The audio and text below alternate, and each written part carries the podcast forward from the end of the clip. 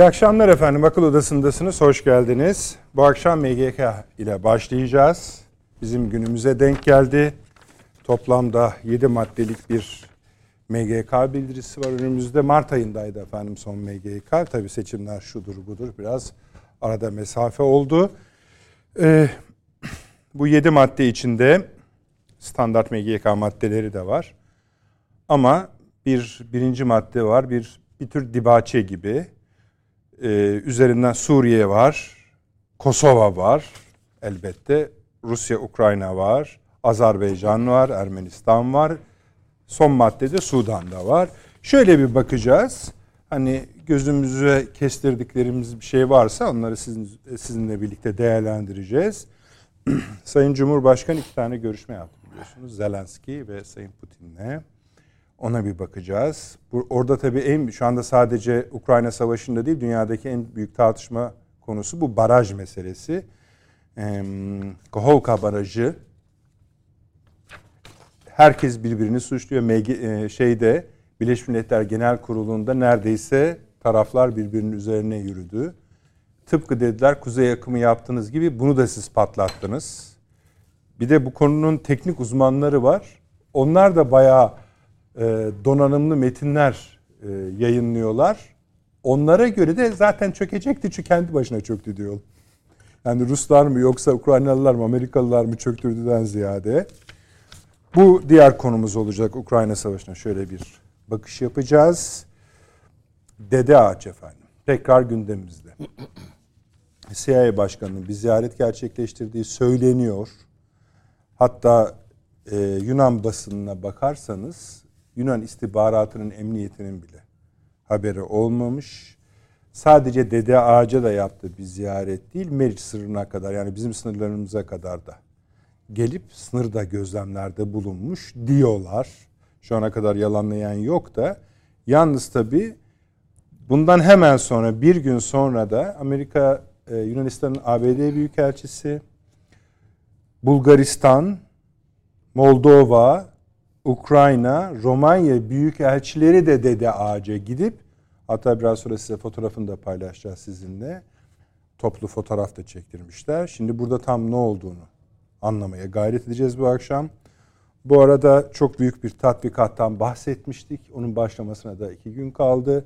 Türkiye'de katılıyor. Bugüne kadar diyorlar NATO kurulduğundan bugüne kadar havadaki en büyük NATO tatbikatı olacak.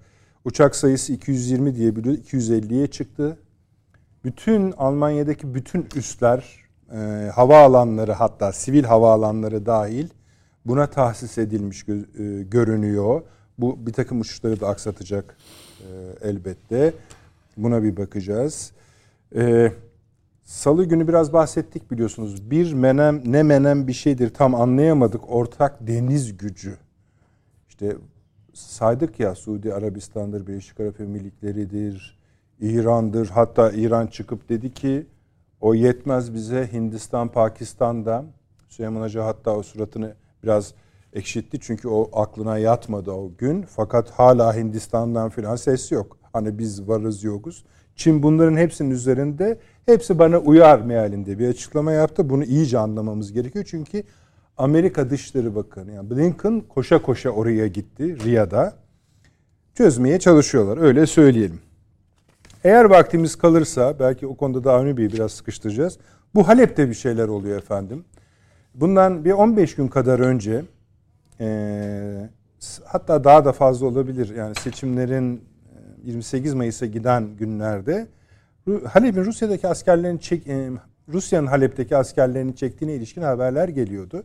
Biz buna ilginç çekici bulduk. Baktık dediler ki şey bu görev yani değişimi. Eskisi gidiyor yenisi. Fakat iş şimdi biraz büyümüş durumda. Terrifat'tan da çekiliyor deniyor. Bu Türkiye'ye bir alan açma durumu var. Bir de Suriye'deki e, terör grupları yani PKK'yı kastediyorum ya da onların deyişiyle YPG. YPG'nin PKK'nın buradaki e, Suriye birliklerinin güvenlik noktalarını kuşattığına ilişkin haberler geliyor. Şimdi bu tam nedir? Bunu da çözmemiz lazımdır. Başka konular var ama her zamanki gibi zamandan tasarruf edelim. İlk önce bir konuklarımıza hoş geldiniz diyelim. Sayın Avni Özgürel Yeni Birlik Gazetesi yazarı. Abi hoş geldin. Hoş bulduk. İyi akşamlar. Profesör Doktor Süleyman Seyfi Öğün Hocam. İstanbul Ticaret Üniversitesi Üyesi. Kıymetli hocam hoş geldiniz ve hoş bulduk. bizi hep ihmal eden Profesör Doktor Çağrı Erhan Hocam Altınbaş Üniversitesi Rektörü. Artık o kadarcık sataşalım hocam. Onda bir şey yok. Biliyoruz mu? Haklı Bu sefer yoklamada var. mevcut yazarsınız. Tabii mevcut yazdık canım. Tamam. mevcut artık. Hani Bey buyurun bu şeyden evet. MGK'dan başlayalım. Bir bu başlangıçtaki bölüm okudunuz mu bir numaralı? Evet. Ben şöyle seyircilerimiz için hızlıca bir okuyayım evet, mı? Müsaade eder misiniz? Evet. Türkiye Cumhuriyeti'nin geride bıraktığımız yüzyılda karşı karşıya kaldığı sınamaların milletimizin demokrasiye olan inancı ile istiklal ve istikbal mücadelesindeki azmini keskinleştirirken devletimizin temellerini daha da sağlamlaştırdığı belirtilmiş. Türkiye yüzyılının başlangıcı olan yeni dönemde de ülkemizin güvenliği, huzurunu ve refahını sağlamaya yönelik adımların aynı kararlılıkla atılmasına devam edileceği vurgulanmıştır. Şimdi bu böyle sanki hani bizim MGK bildirimlerinde çok rastlamadığımız bir giriş gibi bu. Evet. Ama zaten şöyle değil mi? Hani bir yüzyıl kapanmış, bir yüzyıl yeni bir yüzyıl açılıyor. Açılmış oluyor ve böylece başlamışız diyor. Evet. Yani bu bir bir deklarasyon değil bu. Hı. Bu dediğiniz gibi bir girizgah. Yani yeni bir yüzyıla giriyoruz. Bizim önceliklerimiz, ölçülerimiz, bakışımız, genel şeyi, tavrımız, duruşumuz da budur. Değişiklik yoktur. Kaygılarımız aynıdır. Hedeflerimiz aynıdır. Değil. Başka bir şey bekleyen de çok evet. ümide kapılmasın mı? Evet. Odur. Peki. E, geri, geri, İkinci, genel tavrı budur. Tamam. Evet. İkinci konu PKK, KCK, PYD, YPG, FETÖ, DH. Bunlar bu yani bu maddeler işte neredeyse standart maddelerdir ve azim ve kararlılıkla devam edecektir diyor. Üçüncü madde Suriye'nin toprak bütünlüğünün muhafazası ile kalıcı barış ve istikrarın tesisin terör örgütlerinden temizlenmesiyle mümkün olacağı belirtilmiştir. Şimdi bu, burada bir muştu mu var? Evet bu bizim için en önemli maddelerden bir tanesi. Tabii bütün maddeler önemli ne, de. Gayet tabii. Yani buradaki bu yedi maddelik bildirdeki en önemli maddelerden birisi bu. Hı hı.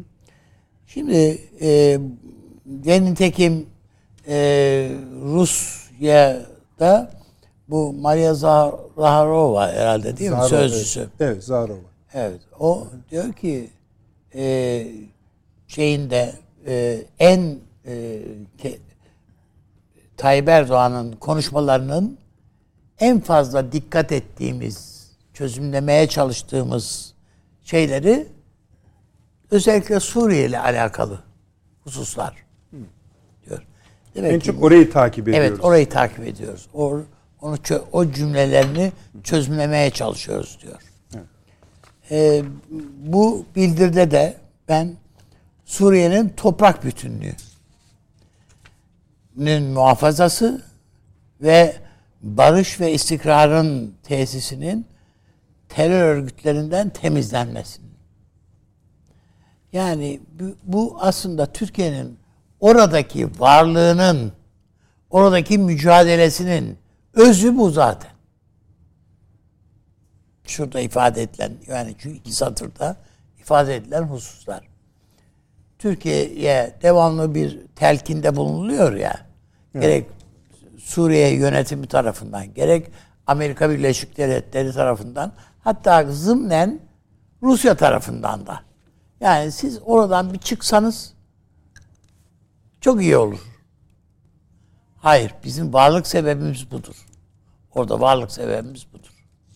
Temizlediğiniz anda orayı biz oradaki iddiamız bizim zaten toprak iddiamız yoktur. Onu temizlediğimiz anda Suriye'nin toprak bütünlüğü üzerinde konuşuruz. Diyoruz. Peki. Bu yani bizim oraya bakışımız bu seçim öncesiyle, seçim sonrasıyla A bakan gitti, B bakan geldiyle filan veya işte bizim istihbaratımızdaki değişimle, dışişlerindeki, hariciyemizdeki değişimle filan bunlarla bir alakası yoktur bu işin.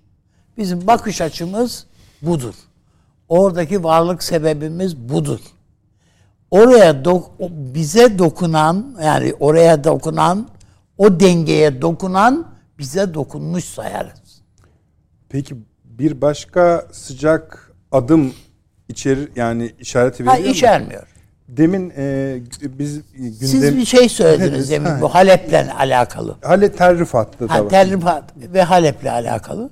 Şimdi o Rusya'yla. birleşti. Ha. Ha Rusya'nın bir şeyi var. Hani yol olsun diye hani kendisi bo- asker boşaltılıyor.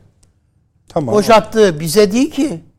Yani Kime? sen ben boşaltıyorum sen de boşalt. Öyle almayacağız. İdi. Hayır sen boşalttın Amerika'ya yaradı.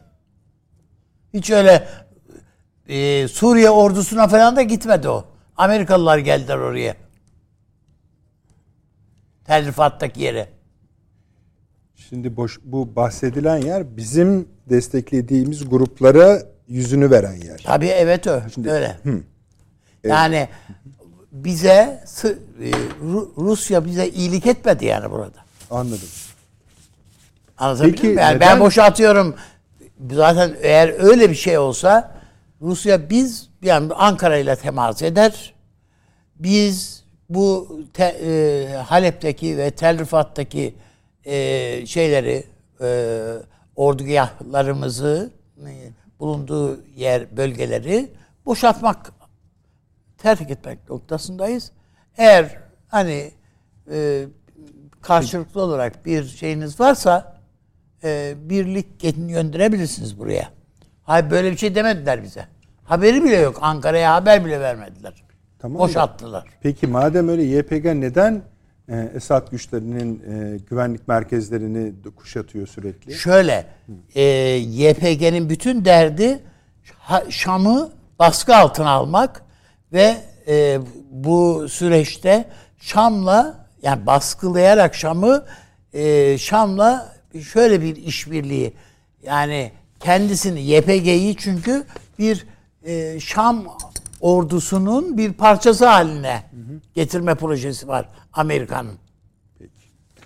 Bunu da yani bütün- Yani o projeyi biliyoruz değil mi hepimiz? biliyoruz. Yani Yani e, farkı ne? Şöyle yani e, hem buna Şam'ı alıştırmak var.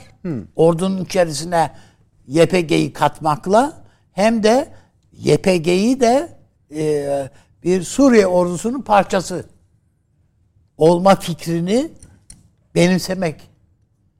Bunu benimsemesi lazım YPG'nin. Yani siz YPG ile Esad yönetimi arasının iyi olduğunu mu Evet iyi olduğunu değil. Olması için hem Amerika hem Rusya iki koldan e, şey yapıyorlar, bastırıyorlar.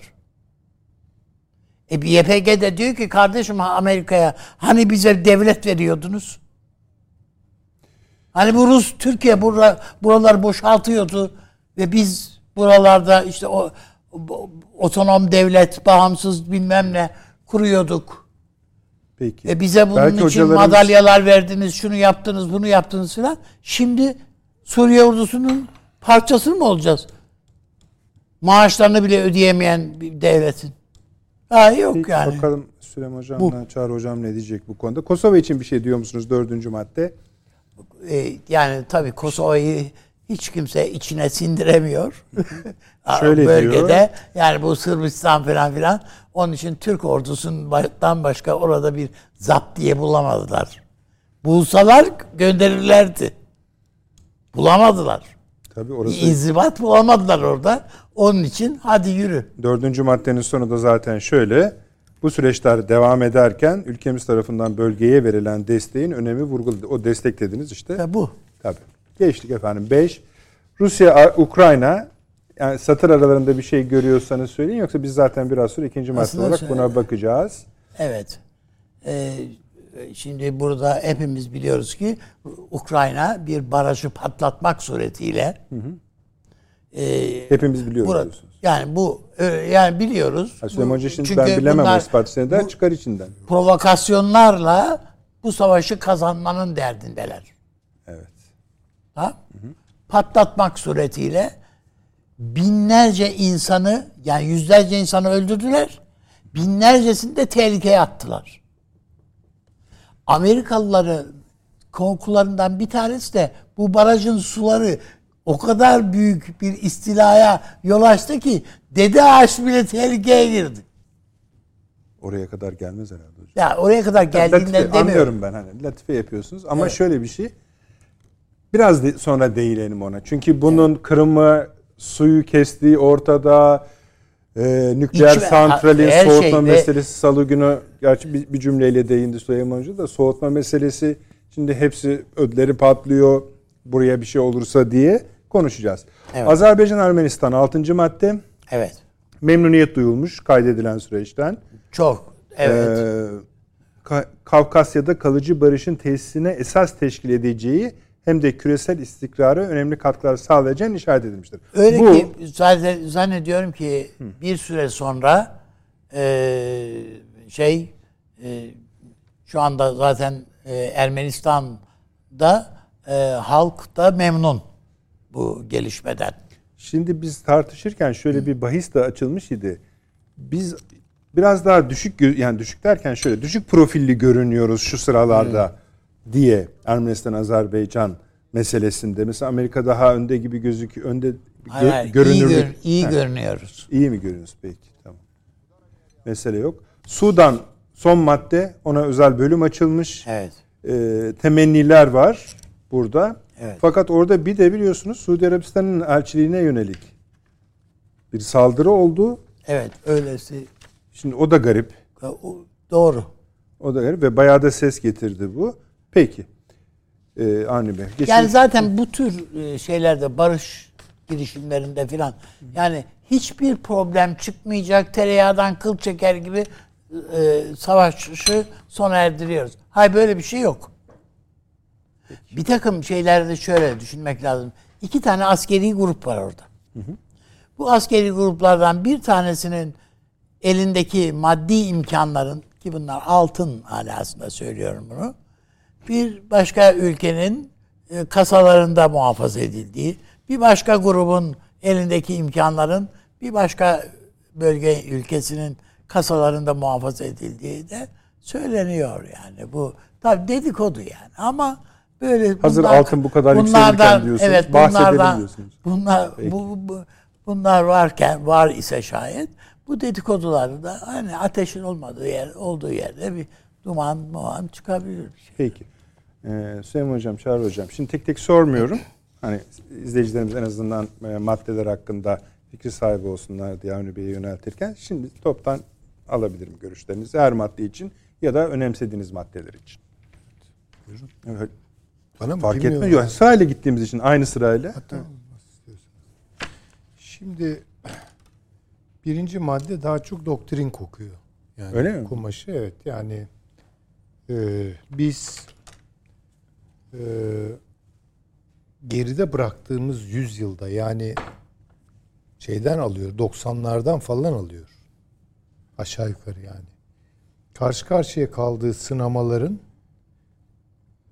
milletimizin demokrasiye olan inancıyla istiklal ve istikbal mücadelesindeki azmini keskinleştiren. Yani biz bu tip imtihanlara alışığız. Geride bıraktığımız yüzyıl dediği zaman en yakını 1990'lar duvarın yıkılması. Ama evveliyatı var. Cumhuriyetin kuruluşu. Değil mi? Yani bir yüzyıl. anlamıyor muyuz yani 23 23 anlamıyor muyuz? Evet yani. Ama işte tabii daha taze Saat olan içindeki yerleri Evet. var diyorsunuz tabii. Ee, bu biraz hani bu meselenin dış politika meselesinin devletler arası münasebetler meselesinin e, ne kadar trajik bir noktada algılandığına dair e, bir beyan. Hassasiyetler vurgulanıyor, istiklal ve istikbal. İstiklal tabii ki sine qua non olmazsa olmazı. İstikbal olması gerekeni. Yani daha Eyvallah. geleceğe dönük olarak. Ee, dolayısıyla işte burada güvenlik, huzur, refah sağlama vesaire. Aynı karar. Yani bu tabii doktrin. Yani Tamam. doktrin yenilemek e, anlamında. Yani şuna Ee, bağlıyorsunuz. Bu e, birinci madde bu zamanlamaya ilişkin Evet şey. yani tabii tabii. Artık yeni Yani bir şimdi Türkiye yüzyılı var. yani çok genel bir şey söylemem gerekirse çok şaşırtıcı bir madde yok hiçbirinde ama bir tür vurgulama, konsolide etmek e, bir doktrini ve o doktrinin etrafındaki bir takım çok temel ve sıcak sorunların altını birer birer çizmek. E, milli güvenlik nedir ki? Evet tabii. Bu. Sonra terör geliyor. Tamam. Zaten O- o- bunu biliyoruz. Hiç konuşmaya bile gerek yok. Suriye'nin toprak bütünlüğünün muhafızası başından beri söylediğimiz şey terör örgütlerinden temizlenmesi. PYD'ye olan e, tavır alış burada bir kez daha altı çiziliyor. E, farklı olan belki hani aa buraya girdim bu dedirten Suriyelilerin gönüllü, güvenli ve onurlu bir şekilde yurtlarına dönerek Hayatlarını çünkü e, seçimlerdeki tartışmaları hatırlıyorum falan. Suriyeliler gitsin diyen birileri var. Sanki gitmesin diyen birileri var gibi bir şeye oturtulmuştu. Bu düzleme oturtulmuştu. Resmi politikası. Tabii bu biraz doğrusu da budur. Herkes kendi memleketinde mutlu olur. E, dolayısıyla Suriye sorunlarından arındırıldıkça Suriyelilerin dönüşü de orayı siz gönüllü açtığınız için Evet yani bir gönül- ben soru sorabilir miyim? Tabii, buyurun. Şimdi ben bunu ilk böyle e, hızlıca baktığımda 3 numaralı ma Suriye başlığının Evet. birinci bölümünü dışarı, içeri, e, ikinci bölümünü içeri gibi okumuştum. E Fakat zaten öyle evet. E, evet. Fakat sonra şöyle bir şey söylüyor ikinci e, bentte diyelim artık. Gösterilen gayretlere katkı sağlayacak uluslararası işbirliğinin önemine dikkat çekilmiştir. Yani Şimdi orada- bunu kime söylüyor? E bunu tabii dışarıya söylüyor. Belli Yani bir coğrafya söyleyecek misiniz mesela? Almanlara mı söylüyor?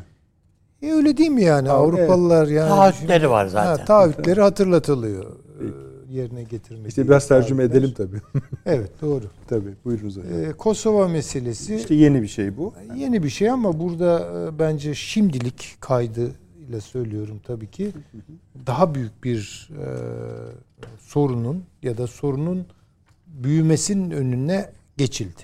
Şimdilik. Yani Çünkü biraz kendileri de korkutuldu galiba. Oturun oturduğunuz yerde. Valla ben bu konuda şimdi tabii bu e, böyle çok içini doldurabileceğim, destekli söyleyebileceğim bir şey değil ama e, burada e, bir Atlantik aklının dolaştığı kanaatindeyim. Ha, bak ben Yani- yukarıda uğraşıyorum. Siz de nasıl kaşıdığınızı biliyoruz. Öyle mi evet, demek evet. istiyorsunuz? Yani orayı orayı beni oraya dönmesin isteyen her zaman söylendiği gibi olağan şüpheli yani Ruslar belki Ruslar da bunu rezerv olarak tutuyor yani. Yani beni yakarsanız ben de Avrupa'yı yakarım. E biz burada Tabii, şöyle ama- de yaptık. Hani mesela Kavkaslarla onun arasında paralellik, Paralellik konuşmalar kurduk. yaptık yani. Ama burada e, fitili zorlayan Rusların olduğu kanaatinde değilim. Hı. Ya burada daha ince bir şey var. O ince ne Ee, olacak? Yani o ince biraz tabii işte dediğim ince gibi- narince diyorsunuz. Yani şöyle söyleyelim. Ee, Bugün bir dostumla konuşuyordum da meslektaşım. Yani İngiltere'nin ekonomisi çok kötü. İyi değil. Ee, ordusu her ne kadar dünyanın beşinci büyük ordusu gibi geçiyorsa da bir hayli sorunlu bir ordu. Fakat e, muhaberat, e, entelijans servis e, çakı gibi. Yani çalışıyorlar. O çalışıyor Yani- diyorsunuz. yani orada- Peki hocam. O kadarını söyleyeyim geçeyim. Peki. Çünkü Rusya, orada Ukrayna- Almanya meselesi de gündeme geliyor. Yani Balkanlar demek Gayet Avrupa tabii, gayet Almanya'dır yani. Tabii. O Almanya'yı da çok zora sokacak olan bir şey. işte. Yani kolay değil şu an oraları karıştırmak ama bunun bir denemesi yapıldı. Bir provası yapıldı. Yarın ne olur ona bakmamız Takip lazım. edeceğiz. Evet. Beşi atlayabilirsiniz Rusya Ukrayna'yı çünkü münhasıran işleyeceğiz. Tamam Sayın konuşuruz. Yani Azerbaycan Ha, Ermenistan bu- meselesi diyalog e, tamam hakkaniyete E, Avni uygun Bey- bir çözüm. İşte tabii bu böyle söylenir tabii ki böyle de söylenmesi gerekir ama e, bu Azerbaycan Ermenistan diyalog sürecinin muhtevası ve buna dahil olan güçler düşünüldüğü zaman birilerine devre dışı bırakıldığı ortada. Şimdi bu diyalogda tabii ki Azerbaycan muhtemelen Ankara'yı bilgilendiriyor. Ee, veya Ermenistan da Rusya'yı bilgilendiriyordur. Fakat, fakat ama bu diyaloğun mimarı kim? Bu diyaloğun mimarı Blinken. Ee, Amerika hocam biliyoruz. Evet, evet, Amerika. Bir de yani daha farklı bir güç daha var. İsrail var orada. Dolayısıyla yani bunu nasıl karşılıyor? Buraya yansımıyor. Bu metne yansımıyor ama Yansımaz Ankara da. bunu nasıl karşılıyor bilmiyorum. Ama teorik olarak evet tabii ki sonuçta Paşinyan ne dedi? Azerbaycan'ın toprak bütünlüğünü tanıyoruz. Bu büyük bir ilerleme. Tabii, Kendi içinde bakıldığında bomba gibi bir haber yani. Ee, iki, e, Sayın Erdoğan'ın e, Cumhurbaşkanlığını kutlama törenlerine katıldı. Ve ikinci sırada oturmayı da razı oldu. Yani önde değil mi benim bildiğim şey vardı. Tabii, Aliye- tabii. Aliyev var. Cumhurbaşkanları önde, başbakanlar İşte tabii ya ama yani baktığınız zaman bu O zaman Çağrı Hocam şimdi öyle diyorsun. bunu düşündüğü için gelmeyebilir yani. şimdi. ABD Büyükelçisi neredeydi? Ben size söyleyeyim. Üçüncü 20, sıra. Neydi üçüncü sıra? 20. sırada. Tamam çünkü o kadar çok bakan, Tamam. başkanı yardımcısı. Yani ona bağlı. Güzel de yani Tabii, şimdi bakın protokol bunu denen bir şey var. Yok yeri yoktu. bunu düşünerek gelmeyebilirlerdi de. Ha tabii tabii. Yani, Doğru. Yani Cumhurbaşkanını ikna edemiyor madem değil mi mesela? Ha, gelmeyebilirlerdi de. Ha, Geliyorsa bunu bilerek geliyor. Şimdi bu mesela içeride Ermenistan'da nasıl yorumlandı onu ben bilmiyorum. Yani biz nasıl ikinci sırada otururuz diyenler çıktı mı çıkmadı mı bilmiyorum. Ya da Mesela- oraya gelene kadar niye gitti? Tabii ki Yani protokol. Yani, cevabı var bunun. Evet, protokol bitti. Bir şey denmez ama her şey protokol değil tabii ki. Yani onu söylemek lazım. protokolünde protokolü vardı. Yani diyor. protokolün de içinde bir şeyler var tabii ki. Sudan'da Sudan bu meselesi. vesileyle geldi. Yani şimdi bakın Afrika'yı boynuzdan itibaren, Afrika boynuzundan itibaren karıştırıyorlar. Her türlü kıtasal, karasal düzlemde neresi karıştıysa, neresi istikrarsızlaştırıldıysa onun belli bir ticaret hattıyla alakası olduğu çok açık. Bir Afrika savaşı bu. Yani dediğiniz gibi savaş lordları arasında cereyan ediyor gibi ama arkasında hemen güçler kümelerini veriyor. Kimin arkasında kim var sorusunu sormak lazım. Da bunu da söylemiyor Türkiye. Burada işte barış olsun, istikrar olsun vesaire gibi iyi niyet e, içeren. Elçiliğe yönelik şey için bir şey söyleyecek misiniz? O yani çünkü bir zamanlama da var. E tabi ama bunu buraya koymaz. o koymaz. Hani siz bir şey söyleyecek misiniz? Vallahi bilemem ben şimdi. Bu çok son olaylarla acaba pek bir, bir, bir kaotik bir durum var orada. Var var evet. Orada Türkiye'ye de vurmak isteyen birileri muhakkak var yani. Buna Zaten bu dünyanın neresinde bir şey olsa e, yani aşağı yukarı. Peki. Çağrı Hocam buyurunuz. Milli Güvenlik Kurulu bildirilerinde alışık olmadığımız bir başlangıçla karşı Açılıyor karşıyayız.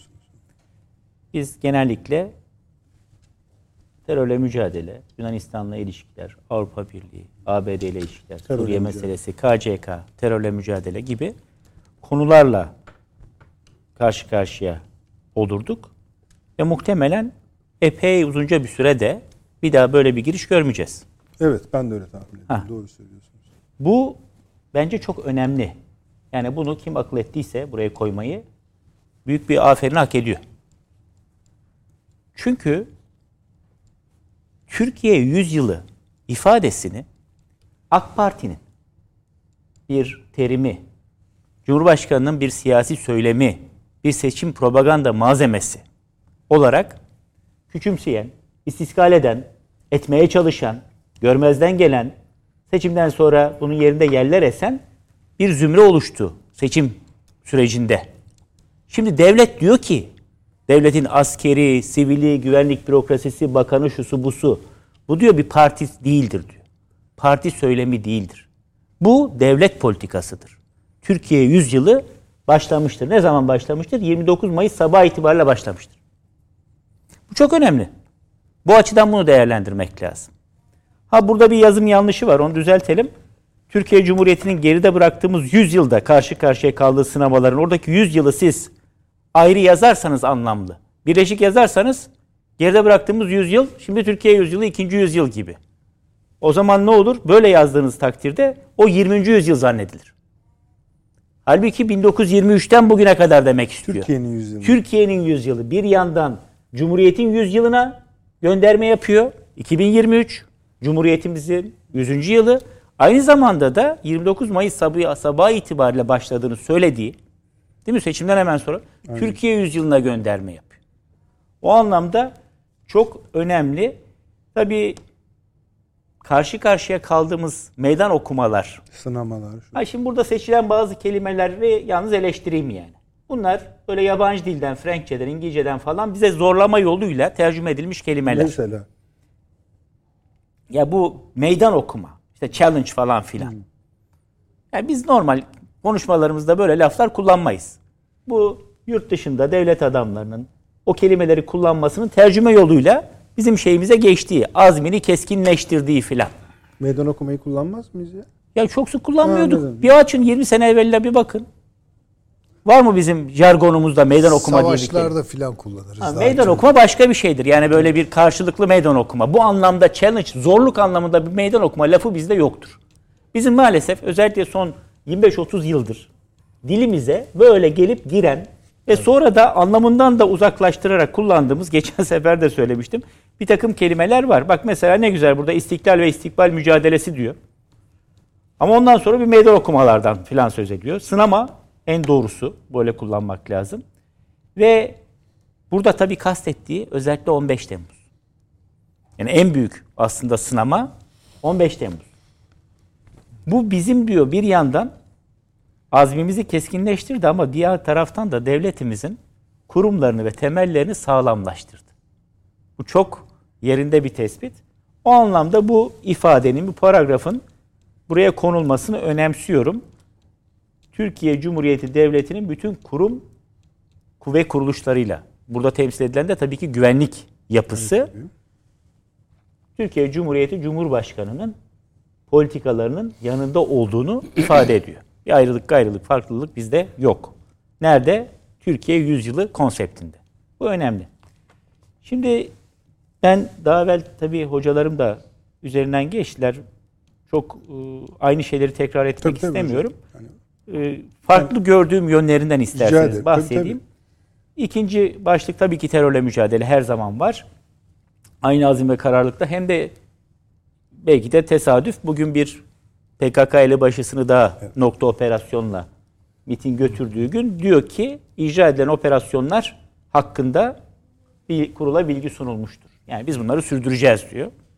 Acaba işte o geçti, yerine başkası geldi, bu işten vaz mı geçiliyor? Öyle bir şey yok. Aynı şekilde devam edeceğiz. Şimdi Suriye'ye gelelim.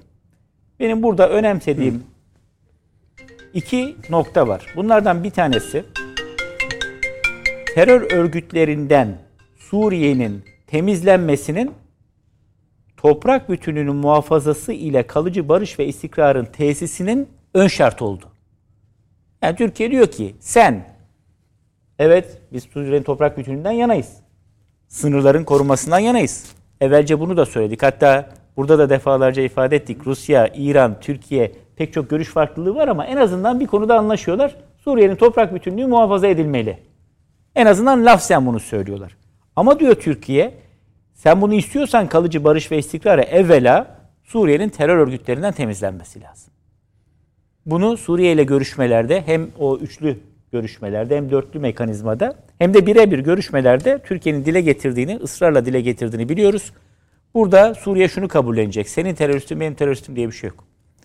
Buradaki bütün terör gruplarının buradan temizlenmesi lazım. Türkiye ile Suriye bu konuda bir anlaşsalar o zaman Amerika'nın PYD, YPG falan verdiği desteğin hiçbir anlamı kalmayacak. Bak Türkiye, Rusya, İran ve Suriye anlaşsalar, gelin buradan PKK'yı beraberce çıkartalım deseler o gün Suriye sorunu bu ülkeler için biter. Amerika tek başına kalır orada. İşte bir türlü anlaşamıyorlar. Çünkü hala aklarının gerisinde acaba biz bu PKK'yı biz de kullanabilir miyiz? Zamanı geldiğinde ya da işte şu petrol gelirlerinde şurada burada bunlardan faydalanabilir miyiz? diye bir düşünceleri var. Tabii aynı şekilde İran kökenli onların desteklediği milisleri de bir şekilde düşünüyorlar. Ama bunu Türkiye bir ön şart olarak koymuş. İkinci önemsediğim konu sizin de altını çizdiğiniz bu Suriyelilerin gönüllü olarak memleketlerine dönüşü güvenli, onurlu bir şekilde memleketlerine dönüşü için ne olması lazım?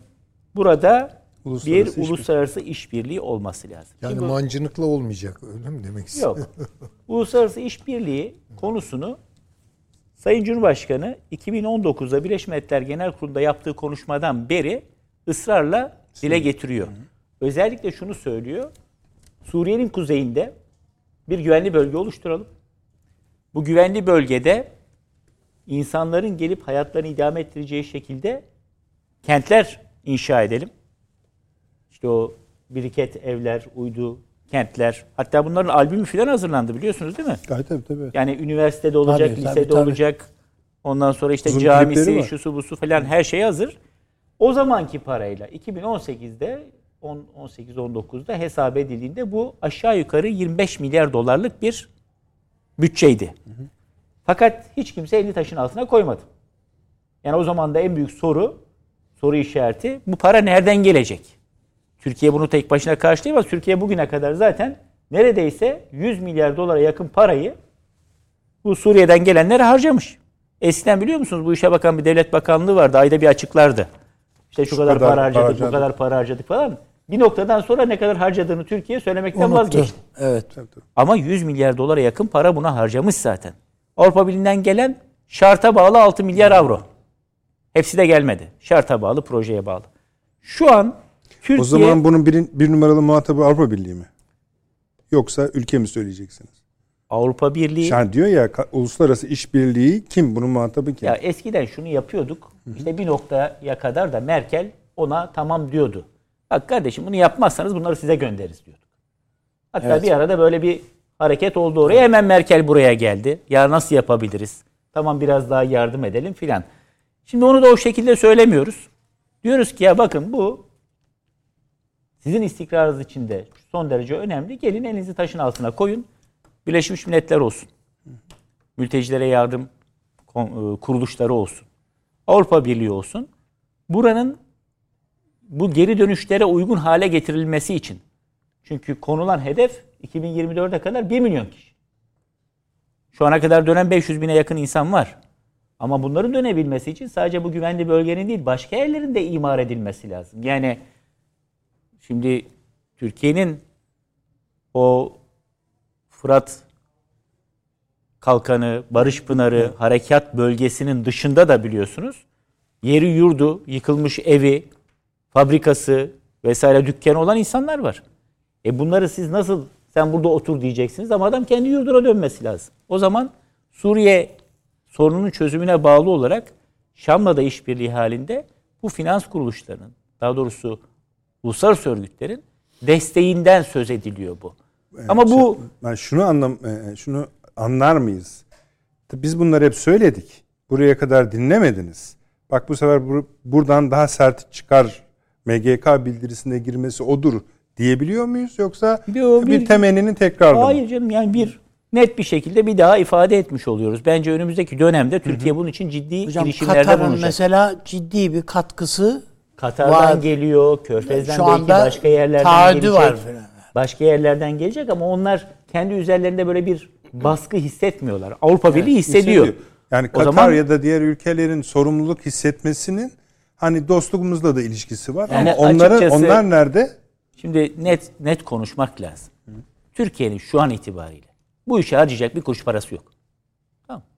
Avrupa Birliği'ne Milli Güvenlik belgesinde bunu yazamazsın da. Tamam, Avrupa ha, Avrupa Birliği'nin önümüzdeki günlerde muhtemelen şunu diyeceğiz biz. Arkadaş bak ben artık bunu tutamıyorum.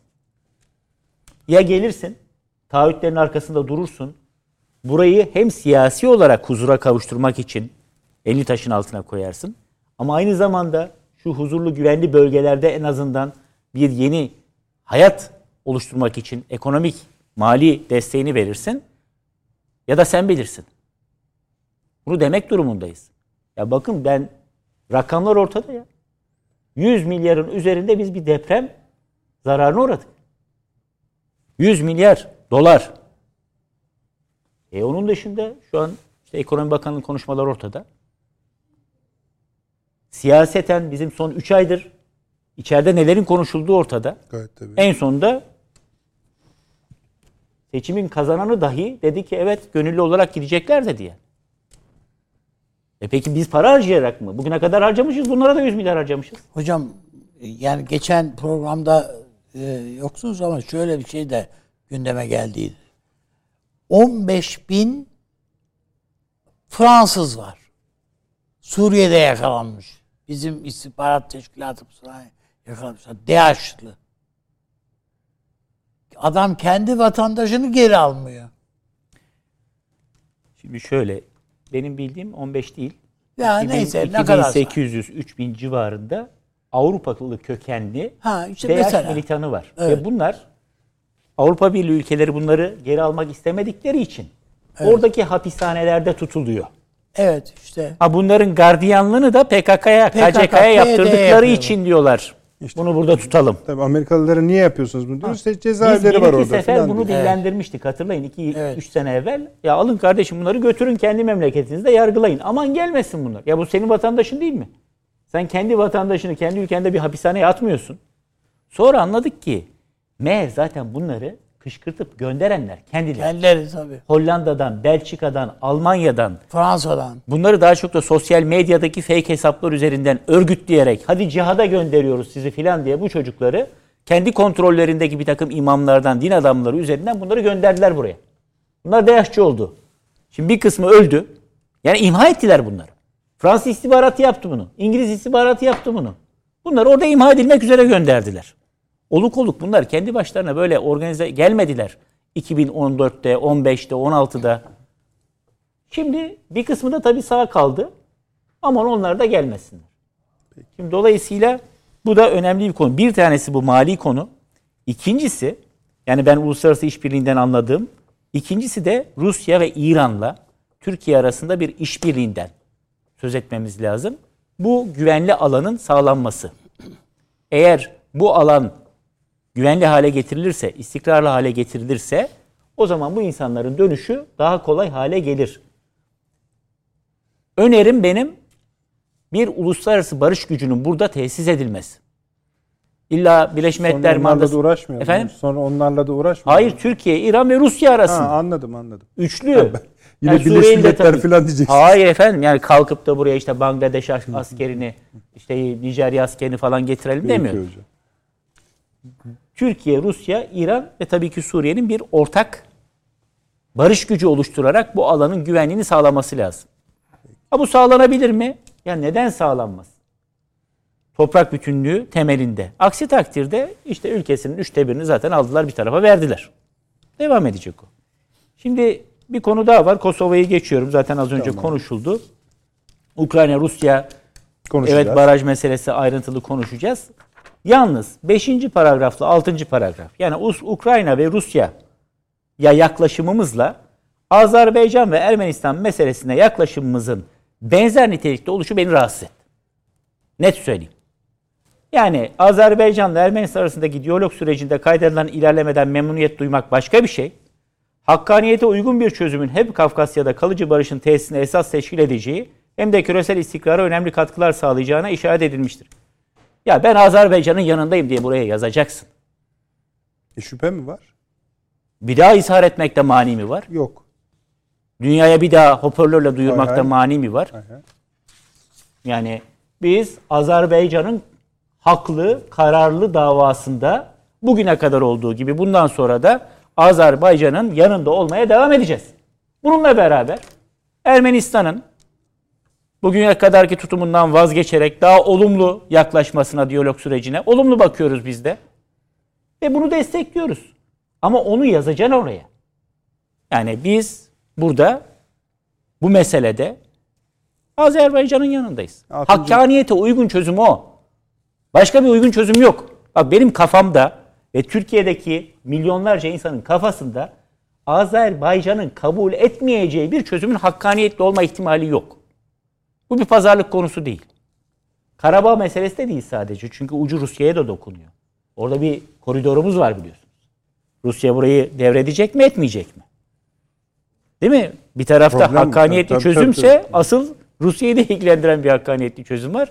Rusya oradan çekilip bunun Azerbaycan'ın kontrolüne geçmesine çünkü Azerbaycan da yavaş yavaş işte çevresel faktörler diyor, gösteriler yaptırıyor, sivil toplum örgütlerini oraya götürüyor. Yani onların da iyi danışmanları var yani. Muhtemelen Londra kökenli. Böyle yapın toplum. Siz 6. maddeyi e, yani metin olarak Eksik ben de sizin- gördüm. Yani şöyle biraz ortada duruyor. Ağır ağırlığını Biraz Azerbaycan'dan yana koyması Peki. gerekirdi. Ee, Sudan'ı Sudan. Tamam. tabii ki öyle. Şimdi burada e, esas itibariyle tekrar döneyim başa. Giriş madde şeyini Ayrı çok önemsiyorum.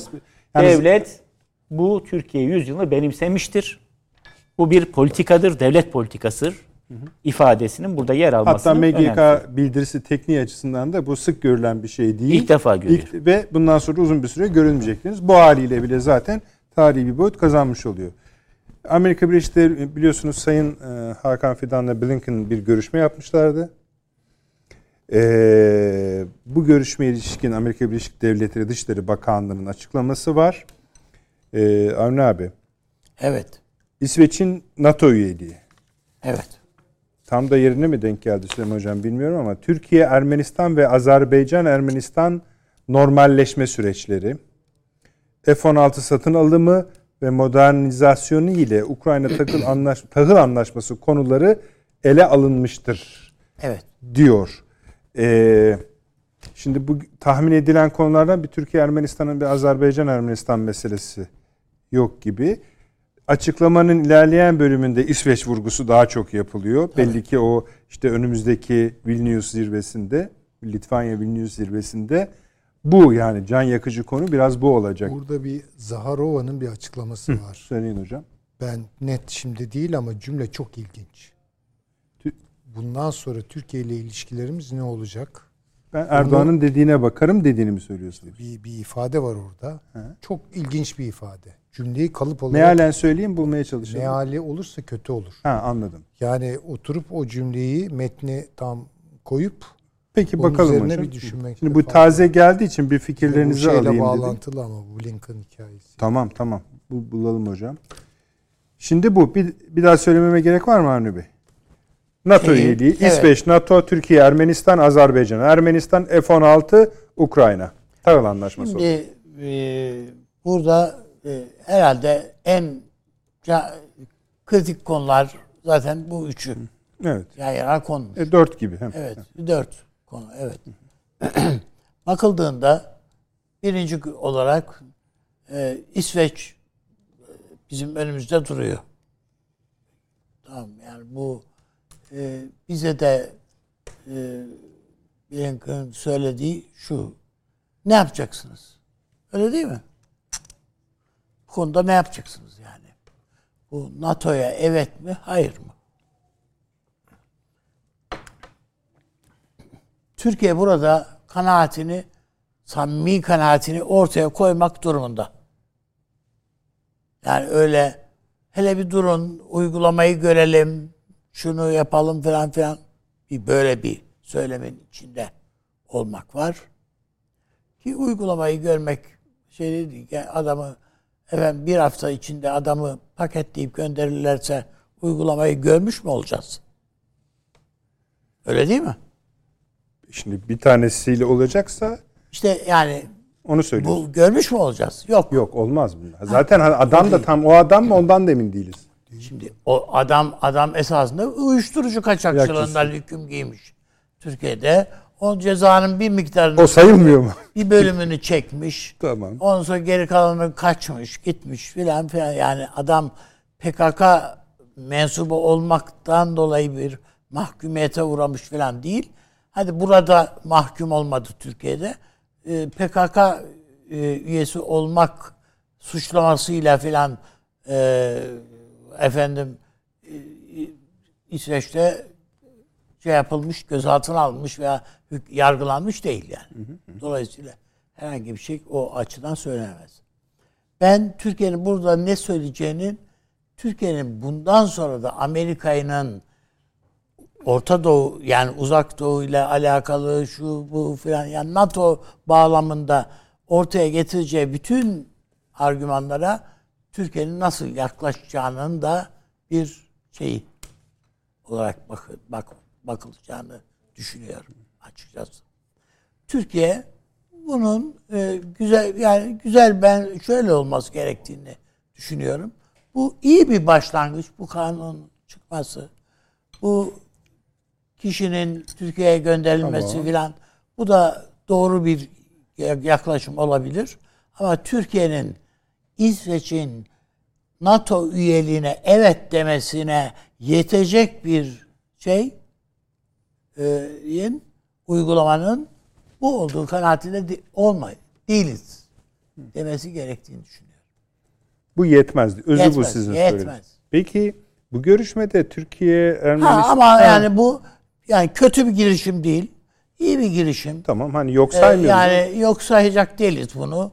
Efendim iyi niyetli de olabilir. Olduğunuza da inanmak Üç hafta isteriz. kadar falan bir şey kaldı abi. Evet. Şunu söylesen bize. Türk kamuoyuna ya tamamdır ya onaylayın İsveç'i dedirtecek şey ne? Hiç, Türk kamuoyuna onaylatacak şey İsveç'in bu kanunun uygulana, uygulandığını ve İsveç'in e, samimiyetinin tescil edildiğini artık sıranın Türkiye'de olduğunu İsveç e, İçişleri e, Başbakanının söylediği gün orada miting var Tamam. ve Türkiye telin ediliyor. Ve polis Bayraklar Polis- paçavralar daha doğrusu. Yani böyle bir şey yok yani orada. Böyle bir kabul yok.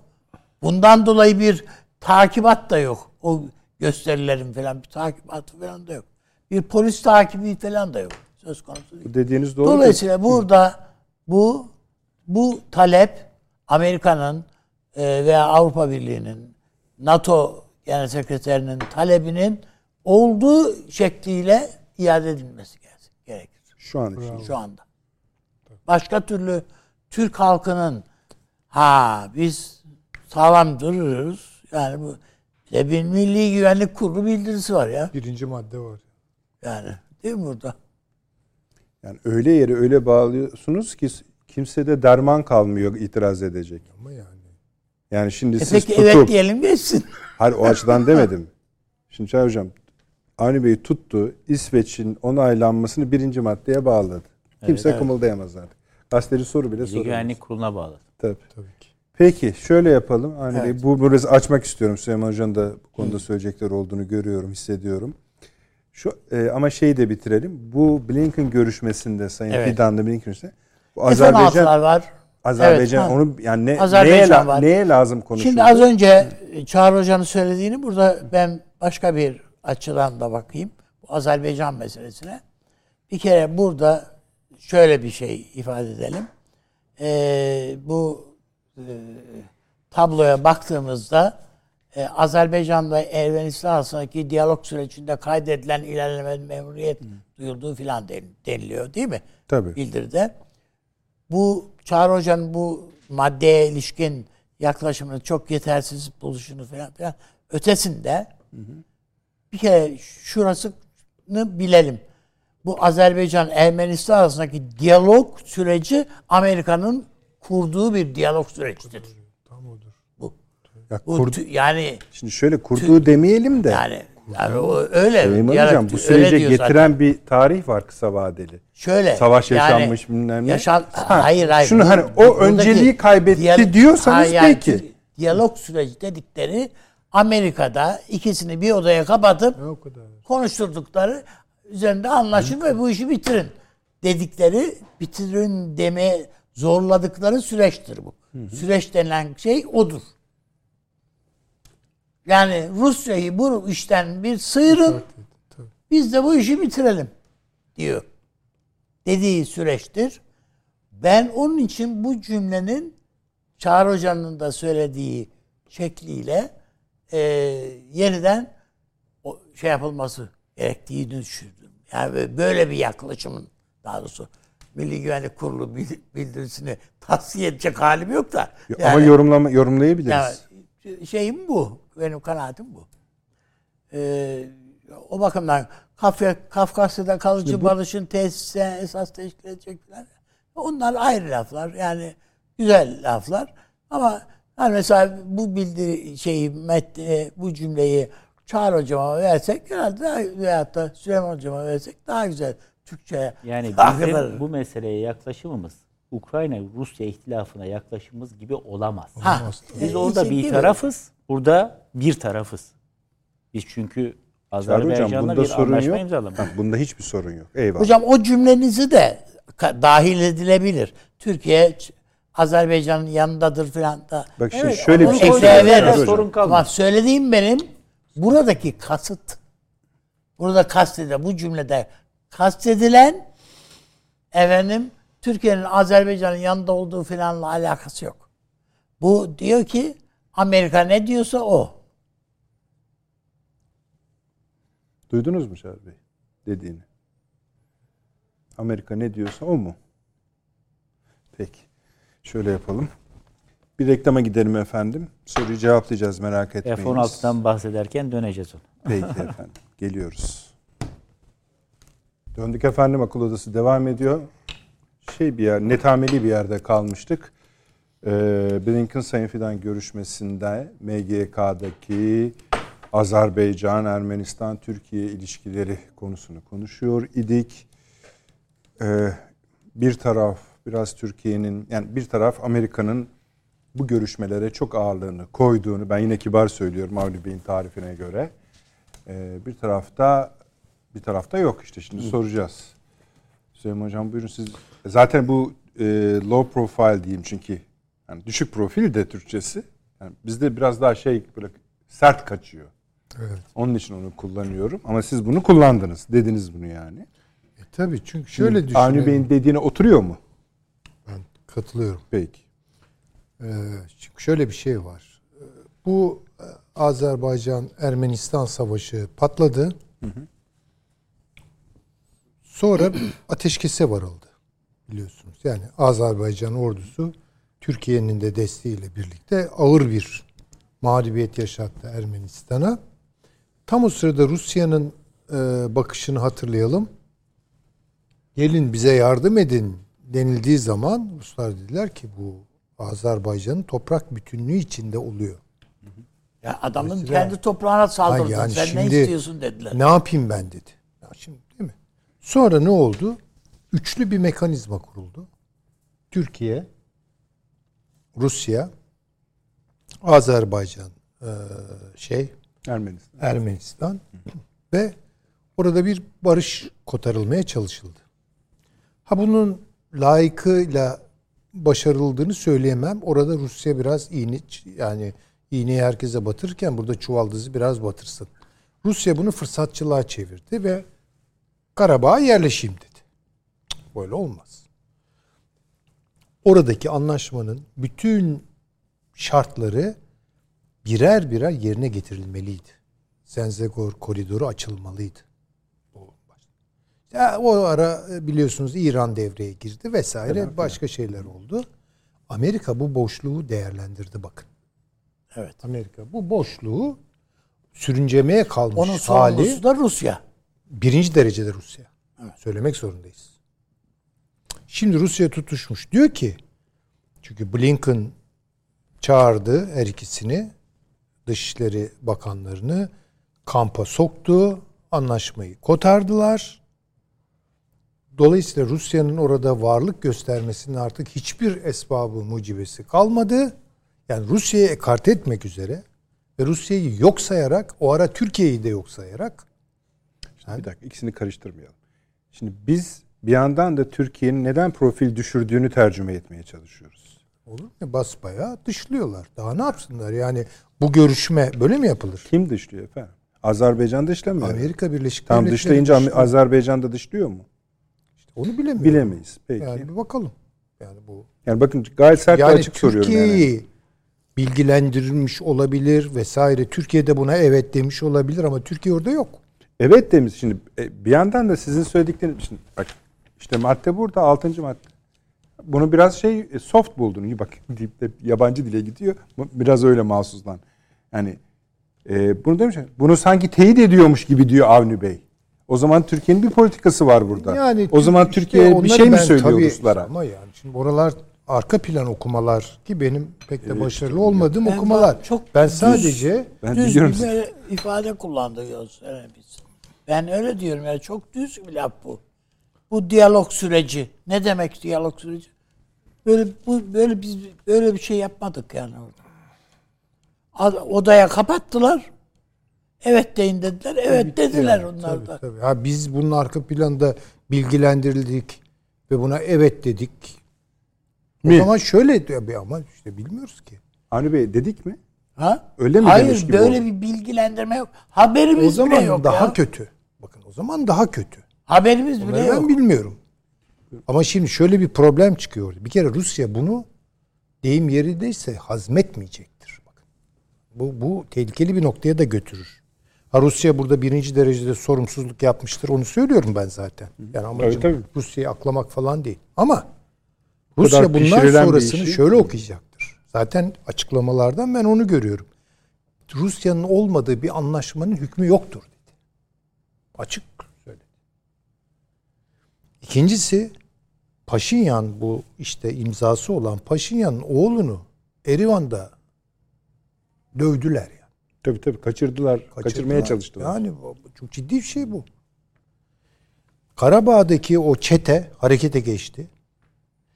Rusya'nın Karabağ e, Karabağ'a atadığı bir adam var. Şimdi ismini ben unuttum. Bu Tamam, adam değil. ha bu adam Rusya'nın oradaki komiseri yani. Tanımayacağını söyledi. Şimdi bu şu demek. Neler olabilir yani senaryo kuruyor. Bir, Azerbaycan'da iç savaş çıkabilir. Darbe olabilir. İhtimaller bunlar. Ya Rusya Hocam orayı İran üzerinden darbe girişimi var zaten. zaten var işte onları söylüyorum. Azerbaycan'da başka şeyler olabilir. Şimdi bakın. Benim düşüncem şudur. Prensipiyel olarak, ilkesel olarak bir yerde bir bölgesel mesele varsa bölge güçlerinin inisiyatifiyle çözülür veya çözülmez. Ama dışarıdan müdahale görmeye başladığı andan itibaren orası benim korkacağım bir alan haline gelir. Bu gidişat, bu Blinken meselesi falan o. Şimdi dolayısıyla buradan endişe ediyorum. Yani Rusya'nın orada yapacağı bir takım operasyonlar, İran'ın burnunu başka türlü sokup yapacağı operasyonlar. Şimdi bakın çünkü Bakü'de bir İran-İsrail savaşı yaşanıyor belli. efendim tabii ama Yeşil. İsrail nere? Kafkasya nere? Ya sormak lazım bunlara. Amerika nere? E işte tabii onları diyorum. Fransa nere? E, Ermenistan nere? Önemli olan Rusya, İran ve Türkiye'nin birlikte bu meseleyi çözmesidir. Çok kritik bir konu yani. Ha, bu, bu. Çünkü bu Astana zeminini berhava etmek Çünkü için altıda Suriye hocam. Evet tabii. Bunu berhava etmek için ellerinden geleni yapıyorlar. Ha şimdi burada İran fırsatçılık yapıyor kendine göre. Rusya fırsatçılık yapıyor. Veya yarın Türkiye bir fırsatçılık yapacak. İyi de ama neticede şeyler kopuyor. Yani ne? Tendom bölgesel Ha, bu, bu kopuyor. Kaslar kopuyor. Kaslar kopunca da hareket olmuyor. Her türlü musibet oraya siner. Yani. Ha, bunun için ben endişeliyim. Yoksa tabii ki çok mutluyum. Azerbaycan'ın nihayet ağzından çıktı. Erme, e, Azerba affedersiniz Ermenistan'ın ağzından çıktı yetk- en yetkili düzeyde. Biz Azerbaycan'ın toprak bütünlüğünü tanıyoruz. Oh öpüp başıma koyarım ben bunu. Bu ayrı bir şey. Ama bu neyin içinde oluyor? Çünkü şöyle bir şey var hakikaten bu devletler arası münasebetlerde bir şey yakalıyorsunuz. Bir denklem yakalıyorsunuz. Ha, bu, bu- diyorsunuz ya bu çok iyi bir denklem. Halbuki o denklemi içine alan başka bir denklem var ki berbat bir şey. Şimdi bunlara dikkat etmek lazım. Onun için hani çok böyle derinlemesine bir takım okumalar yaptığınız zaman ürküyorsunuz. Çünkü e, her bir kuşatıcı denklem çok da kendini ortaya koymayan bir denklem olduğu için. Bas. Örtülü tarafları kalıyor. Ha yani böyle kayboluyorsunuz. Bu, bu da iyi bir şey değil. Ben yani tabii bu en zor yani denklemin bahsettiğiniz denklemin en bilinmeyenli kısmı bence. Türkiye'nin bu konudaki pozisyonunu kavramakta ilerleyebilir miyiz merak ediyorum. Hani İşte şöyle bir bakın şey- onunla ilgili ben daha net ve kitabın ortasından Lütfen. konuşayım da. Lütfen. Ee, Estağfurullah. Şimdi Türkiye'nin önünde iki yol var. Şimdi bu metni okuduk çok iyi tabii. Çok şükür. İki yol var. Bir, Avrupa Kulübü ve Atlantik Kulübü Türkiye'ye karşılığı olmadan bakın altını özellikle çizeceğim. Ya da karşılığı varmış gibi aslında yok. Bir takım şeyleri dikte etmek istiyorlar, empoze etmek istiyorlar. Ve umurlarında değil Türkiye'nin milli çıkarları vesaire. tamam. Hiç umurlarında değil. Tamam. Benim görebildiğim kadar ben bu seçimlerden sonra da hemen bunu söyledim.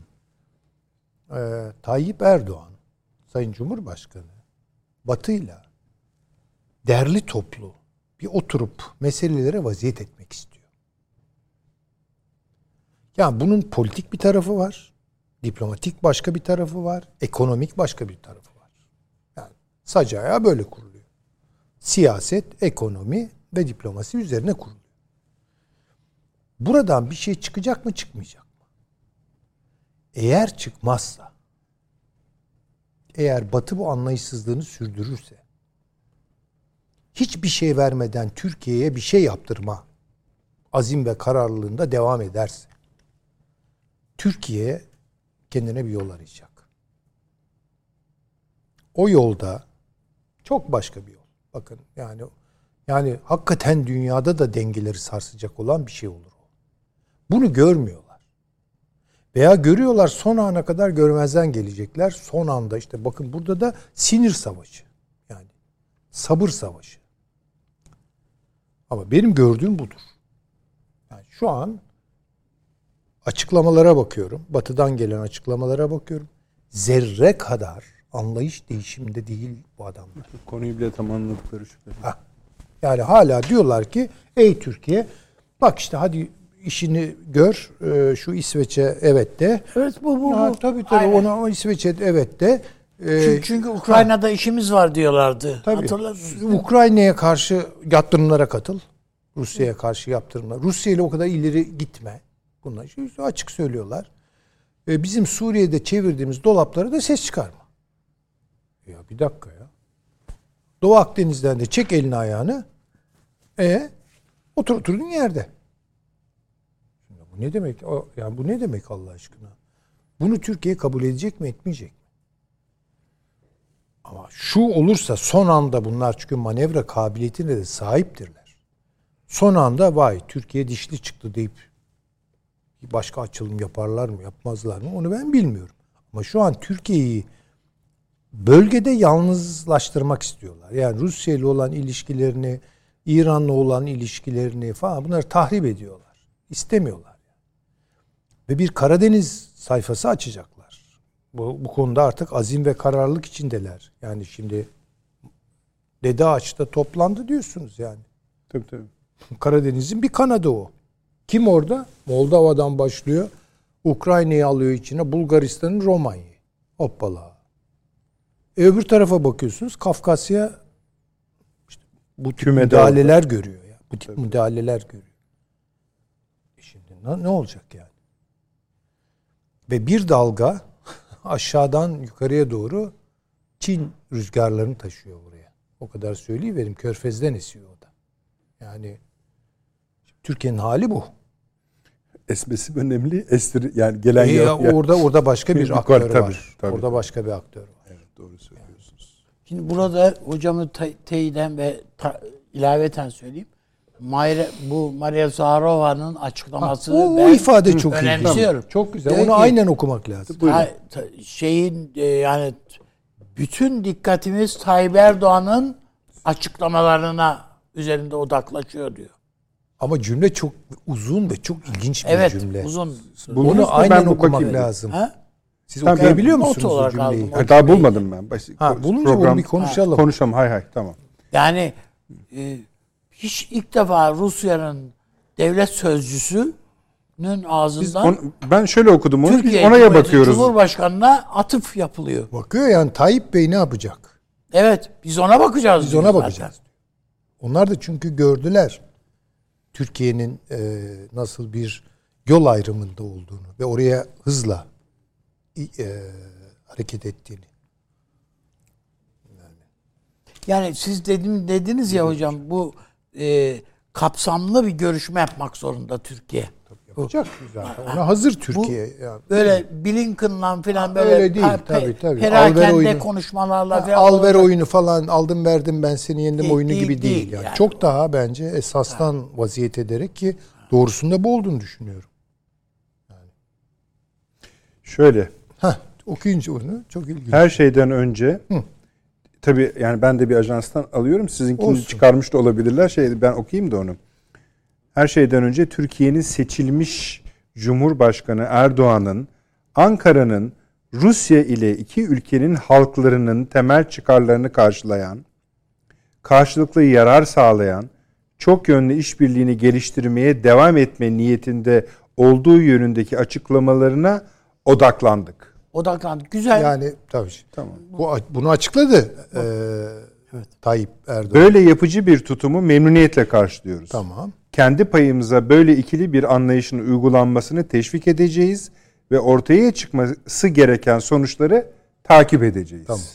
diyor. Tamam. Yani odaklandık bekliyoruz. Yani bunun bir sınaması olacak. Bunun Şimdi, sağlaması Cu- olacak. Sayın Cumhurbaşkanımız orada mesela şeyi söylemiş Putin'le konuşmasında. Bu barajın inf- evet. patlatılmasıyla ilgili olarak bir ko- uluslararası bir komisyon kuralım. Ee, biz de katılalım demiş. Putin evet demiş. Tabii. Ötekiler demez ama. Demez ama. Putin evet demiş. İşte Zelenski ne demiş? Zelenski'den çıt yok. Yani görüştü ya. Görüştüler de e, yani Zelenski kabul etti falan diye bir şey yok. Peki. Ya adam zaten patlatmış yani. Neyi kabul edecek? Yani bakın şeyde hatırlarsanız bir e, Avrupa bir, bir özel ne, hangi gazete haber haline getirdi. Bu e, kuzey akım boru hattının patlatılmasıyla ilgili şeyler bulgular Washington Post herhalde haberleştirdi. E, bütün bulguların e, Rusya'nın yok şeyinin de dahil soruşturmasının da dahil e, hepsinin aynı şeyi bunun bu patlamanın e, Ukrayna tarafından yapıldığını teyit ettiğini söylüyor. Washington Post'un haberi yani. Amerikan gazetesi. Tabii canım. Ha şimdi su altında po, pom- bomba patlatıyor ya o herif okyanusta. Burada da baraj dediğinde o kadar ufak tefek bir şey değil yani ha. Tabii, tabii canım çok Muazzam ciddi bir şey olacak yani. Arkadaşlar o haritayı ara sıra verin kelebeklerde. Tamam mı abi? Peki. Çağrı Hocam buyurunuz. Yani şeyden gelerek lütfen. İşte hani tartışıyoruz ya. Azerbaycan, Ermenistan. Yani MGK'dan da çıkmadı sadece. Geçen haftadan da kalan bir konuşmanın devamı esasında o. Blinken Fidan görüşmesi başlıkları arasında bu da var. Ermenistan Söyledim. Azerbaycan ilişkileri konusu var. Tabii hangi bağlamda ele aldılar bilmiyorum. Ama şunu da vurgulamak lazım. Yani yanlış bir intiba uyandırmamak adına özellikle izleyicilerimizde. Türkiye'nin Karabağ Savaşı'nın başlangıcından evvel ortaya koyduğu savaş sırasında daha da tahkim ettiği ve bugün de devam ettirdiği bir anlayış var. Türkiye'nin Azerbaycan politikası nedir diye sorulduğunda ne kadar yardım edeceksiniz diye sorulduğunda o zaman Cumhurbaşkanı Erdoğan'ın verdiği cümle çok net. Şimdi Ne kadar isterlerse o, o kadar Tamam, o devam, şekilde. devam edeceksiniz. Ukrayna Dışişleri Bakanı'nın bir açıklaması var. Diyor ki soruşturma yanlıları yani komisyon yanlıları sözde adalet oyunlarından bıktırdılar artık. İşte Kimin kim olduğu kesinlikle açık. çok açık yani. Dinle, din, dinleyin muhteremler. Bu deneyimi daha önce yaşadık. Bunların hepsi Ruslara taviz verilmesine yönelik oyunlardır. Bize diyor değil mi? Tabii bize diyor canım bunu. Peki. Çağrı Hocam sözünüzü kestim ama buna döneceğiz. Ya bu tercümeleri kim yapıyor Allah aşkına? O kadar Yani da demin ki yani. odaklanma Tamam, üzerine muhteremler tamam, odaklanma da. odaklanma Hani, üzerine o kadar odaklandık ki muhtemelen Zaharova başka bir şey dedi. Bu Bunu Rusçadan hayır. Deminki odaklanmayı kim tercüme ettiyse böyle abuk subuk tercümeler oluyor. Fokus, Bakın. fokus. Çok ciddi bir fokus. Kadın Rusça konuşuyor. Fokus da demez yani. Tabii ama yani. Yani dolayısıyla burada mesela dinleyin muhteremler. Ne diyor? Efendiler falan gibi bir şey. Hocam o tamam da gerisi tamam değil. Siz şeyi devam yani şunu mi? diyor açıkçası.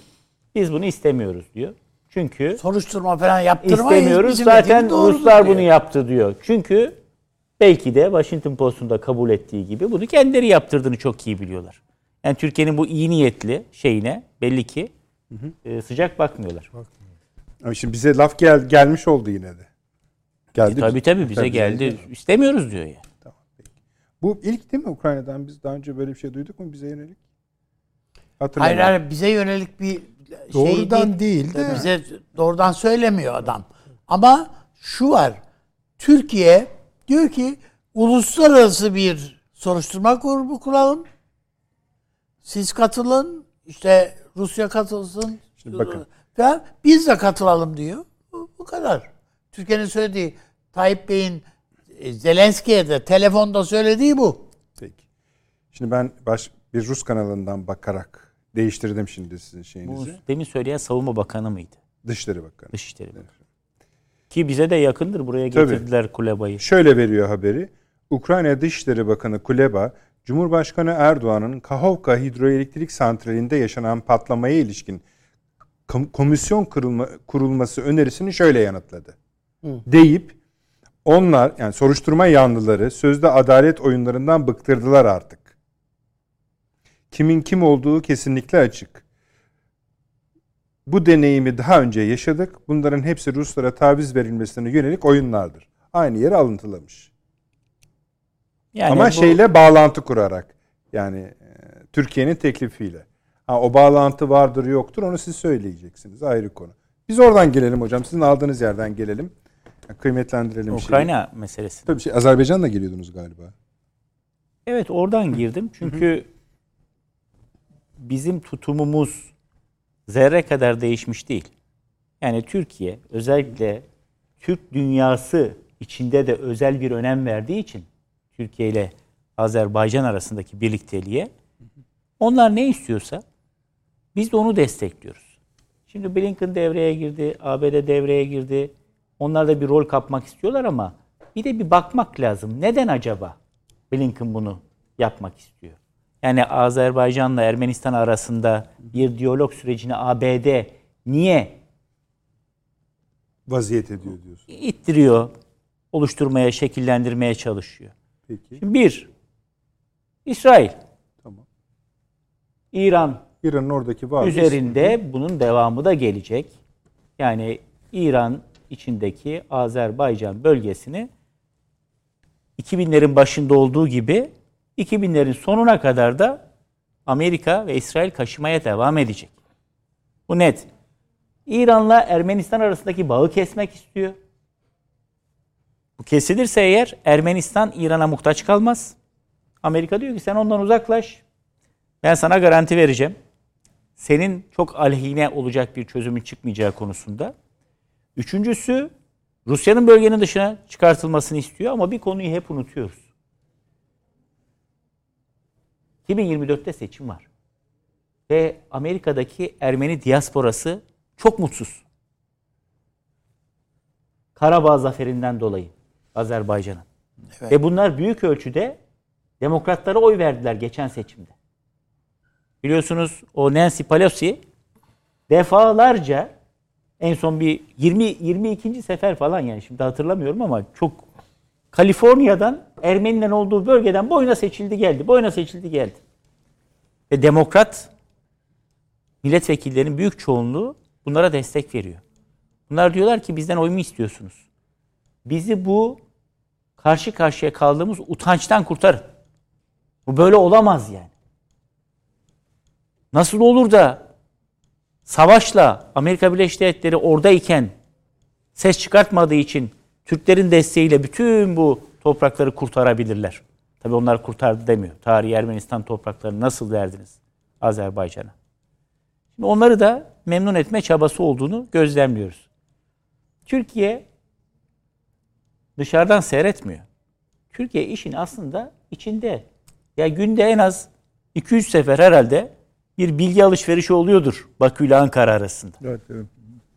Neredeyse ayda bir yüz yüze bir görüşme iki ülke cumhurbaşkanları arasında oluyordur. Değil mi? Şu zirvesi, bu zirvesi, işte Cumhurbaşkanlığına başlama töreni, Azerbaycan'da bir tören vesaire hiçbir şekilde ne Amerika Birleşik Devletleri'nin planı, ne Rusların şusu busu bu iki devlet arasındaki görüş alışverişini ve müşterek menfaat algısını değiştiremez. Dolayısıyla biraz da bunu ben Ankara ile Bakü'nün birlikte yürüttüklerini düşünüyorum açıkçası. Zaten ben, Yani bir bakalım ne olacak. hayır. Hocam piştikten sonra baksak ne olacak? Böyle bir şey pişirdikleri yok. Şimdi Hayır. bunları daha evvel de Putin topladı. Ha, belki İkisini o- çağırdı aynı. defalarca. O da Putin de oturttu Paşinyan'la Aliyev'i karşı karşıya. Yetmedi. Aliyev'i çağırdı. Şu ittifak anlaşmasını imzalayacaksın dedi. İttifak anlaşmasını imzalattırdı. Hatırlıyorsunuz değil mi? İttifak anlaşması. Ben Bakü ile Ankara arasında ha, düşük profil öyle tarif etmiyorum. Bakü ile Ankara arasında ABD ve Rusya'ya bakarken biraz daha değişiklikler olduğunu düşünüyorum. Bravo. Yani Rusya'ya bir şey yaptırmak ya da yaptırmamak iste yani bir şeyden huzursuzsa mesela bu- buna böyle daha hattı Amerika'ya göre kurmuş olabilir ya da Amerika'dan rahatsızsa Rusya'ya göre kurmuş olabilir iki, iki, iki ülkede. Ya Türkiye yüzyılı diyoruz. Türkiye artık ABD'ye göre, Moskova'ya göre falan vaziyet almıyor. E tamam işte Kendine Ankara, göre Bakü bu. alıyor. Kendine göre alıyor. Biz eski okuma Öyle alışkanlıklarımızı olsun. Sürdürerek zaten öyle olsun. eski Değil mi? okuma alışkanlıklarımızı sürdürerek acaba şimdi hafif Rusya'dan uzaklaşıp şuraya mı yanaşıyor? Ya çıkarı neyi gerektiriyorsa onu. Yanaşmadan bahsetmiyoruz hocam. Politikanın devamında kullanışlar yani şeyden Ya ben size neticeyi söyleyeyim. Peki. Yani bu girilecek, gelecek, şu olacak, bu olacak. Ne olacak biliyor musunuz? Bir defa Karabağ bütünüyle Han kendi dahil Azerbaycan'ın toprağı olarak tescil edilecek. Bu bir. Yani bizim nihai amacımız ne burada onu anlatıyorum. Bu bir. İki, Zengezur koridorunu Ruslar bırakacaklar. Ve tahmininizden daha kısa sürede bırakacaklar. Burası da Azerbaycan'ın kontrolüne geçecek. Türkiye ile Türk dünyası arasındaki transit güvenlik altına alınmış olacak. Bu yapılırken bunun sağlanmasına Amerika Birleşik Devletleri'nin en ufak bir katkısı olmayacak. Net söylüyorum. Bugün Blinken'ın devreye girişine Bakü'nün ses çıkarmaması, mış gibi yapması falan ortalığı karıştırmasın diye. Başka bir. Çünkü bunlardan gelecek faydadan fazla zarar gelebilir. Zarar gelmesin diye ne? Otur bakalım. Biraz da seninle konuşalım. Yoksa şu an ABD'nin Bakü üzerinde uygulayabileceği herhangi bir baskı mekanizması kaldı mı ya? Amerika'nın Bakü mü dediniz? Amerika'nın Azerbaycan üzerinde uygulayabileceği bir tane baskı mekanizması söyleyin. İsrail. Nasıl İsrail? İsrail. Savaş bitti oldu bitti. Ne İsrail'i? İsrail'in ihtiyacı var Azerbaycan'a. İşte tamam ama işte o da istiyor ki e, İsrail-Azerbaycan ilişkisi mesela İran ilişkisini kessin istiyor. Tamam. Bu da bir yani bir yol, hat bu da. Tamam bunun için Amerika'ya gerek yok ki. Zaten Amerika'ya rağmen İsrail ile Azerbaycan arasındaki ilişki Karabağ Savaşı'ndan önceden başlayarak. Şimdi İsrail deyince bunu da böyle bütün toplum olarak ABD yanlısı falan düşünmeyin. İsrail'de 2 milyona yakın Rusya'dan gelme adam var. Bunlar Amerika'dan böyle yaka silkiyorlar, nefret ediyorlar. Rusya yanlılarını azımsamamak lazım İsrail'de. O doğru. Yani dolayısıyla İsrail siyasetinin içerisinde etkin pozisyonlara gelen, İsrail güvenlik bürokrasisinde etkin pozisyonda gelen eski Bakü Yahudiler üzerinden evvela, eski Sovyet coğrafyasından gelen Yahudiler üzerinden o irtibat kuruldu. Ve Azerbaycan Savaşı'nda da Türkiye'den sonra ikinci sıradadır İsrail yardımı. Yani en fazla Türkiye yardım etti, İsrail yardım etti. Savaştan sonra Karabağ kurtarıldıktan sonra Azerbaycan'a gidenler bilir. Ben 6 defa gittim. Evet. Azerbaycan'da bütün dükkanların pencerelerinde Türk bayrağı vardı. Taksilerde, arabalarda Türk bayrağı vardı. Türk bayrağından daha sonra ikinci sırada İsrail bayrağı vardı. Üçüncü sırada da Pakistan bayrağı vardı. Başka da kimsenin bayrağı falan yoktu. Ama her tarafta da İsrail bayrağını gördüm. Çünkü İsrail bunlara istedikleri kadar verdi. Tabii, Cephane verdi. Verdi tabii. Ermenistan'a karşı kullansınlar diye. Dolayısıyla Amerika'ya ihtiyacı yok İsraillerin bununla irtibata geçmesi için. Şimdi ikinci konuya geçelim. Hangisi? O da F-16 modernizasyonu ve satın alınması. Şöyle bir Üçüncüsü de İsveç NATO üye. Ya Sadece Azerbaycan Ermenistan mı konuşuyoruz?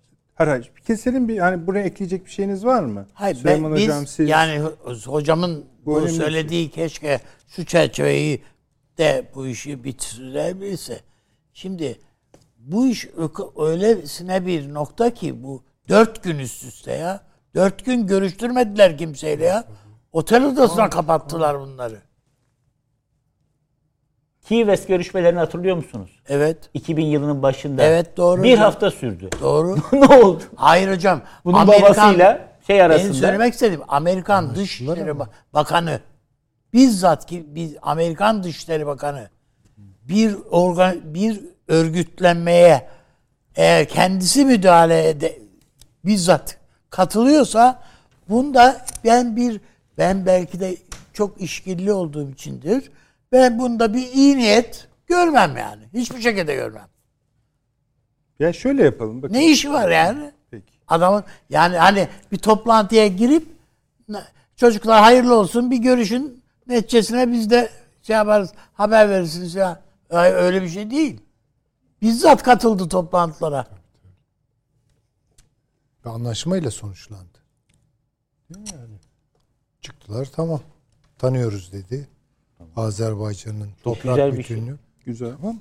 Çok güzel de sonrasını düşünüyorum. Yani Rusya bunu bunu asla hazmetmeyecektir Rusya. Dolayısıyla orada bir şey olacak yani. Ve bu Türk-Rus ilişkilerini, Türkiye Türkiye Rusya ilişkilerini birinci derecede etkileyecek olan bir şey. Odaklandı. Nereye Hani odaklandı? Rusya'nın müstahak olduğu bir şey olacak. Ayrı, o ayrı, mesele. Tabii tabii. Yani Rusya o feveran etti. Yani nasıl dedi biz olmadan dedi falan. E sen varken ne yapıldı? Onu eleştirmek ayrı İ- bir şey. İran'ı işin içine katıp sulandırdın, bravo. sulandırdın Bravo. bu işleri bilmem ne falan. Yani Rusya Tabii. öyle. Rusya Rusya birinci derecede bu tablodan sorumlu. Sorumlu.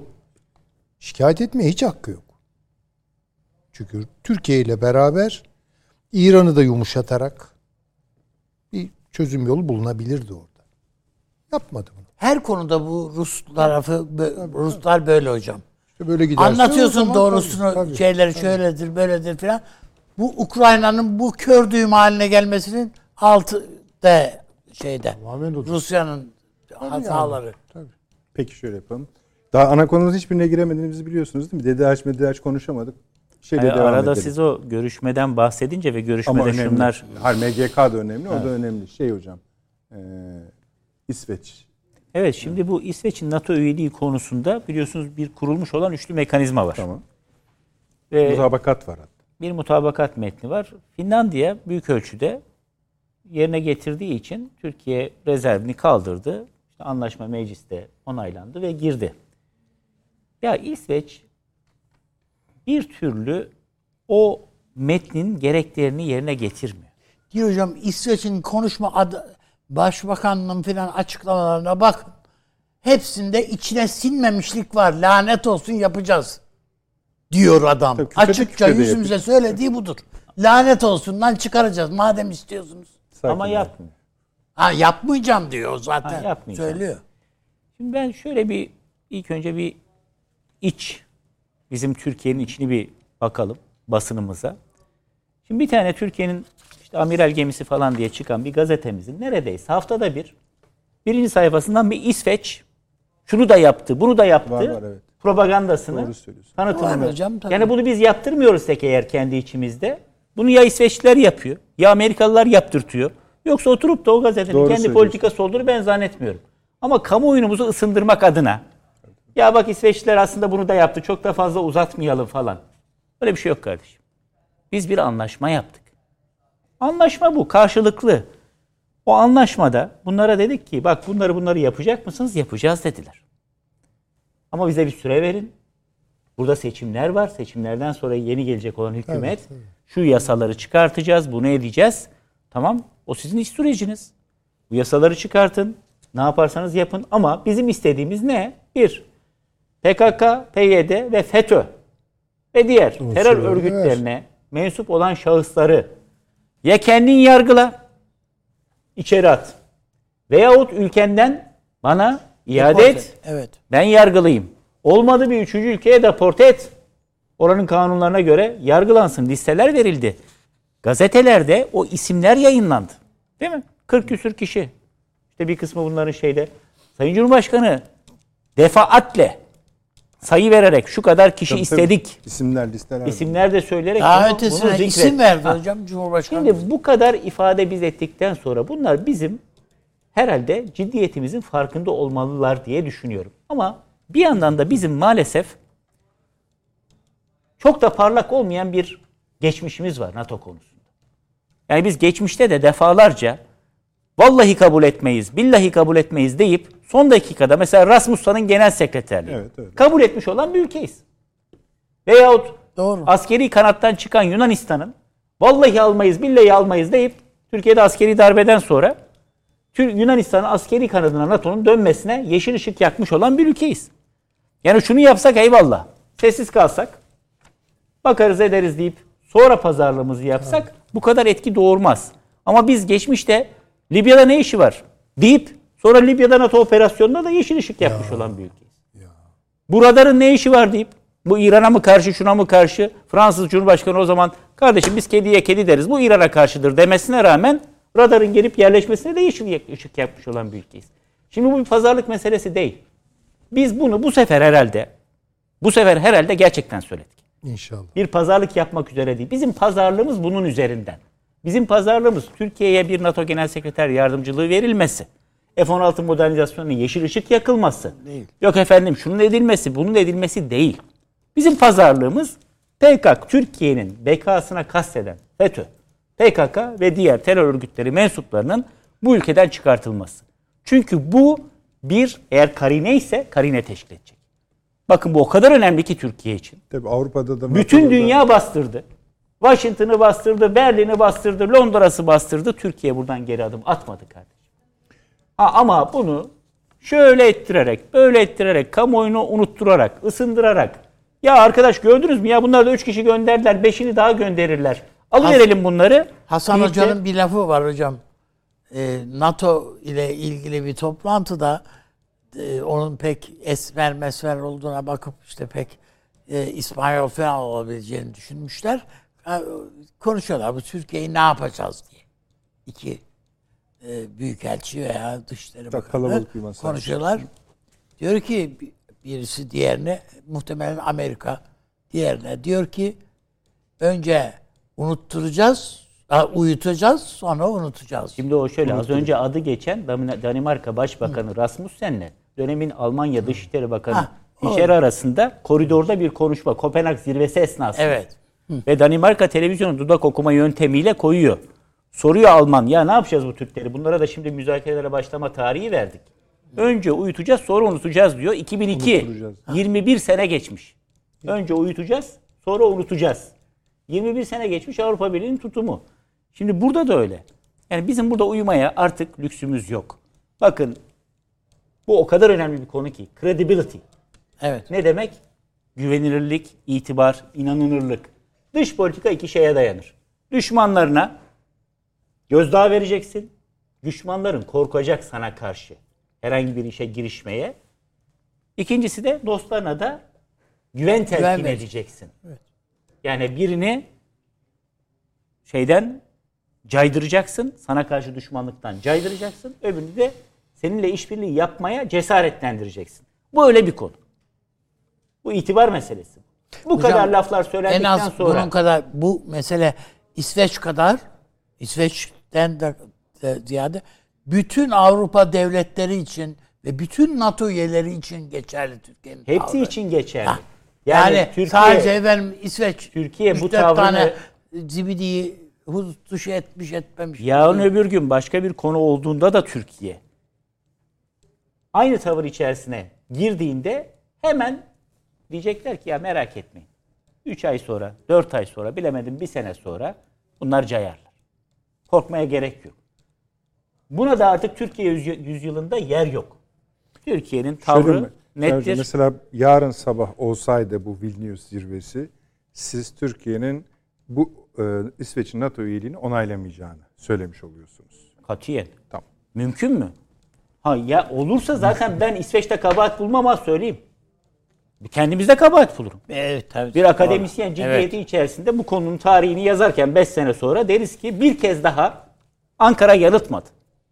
Bir kez daha yanıltmadı NATO konusunda. Geçmişte 4 tane örneği var. Beşincisini de ekledi deriz. Bu kadar net.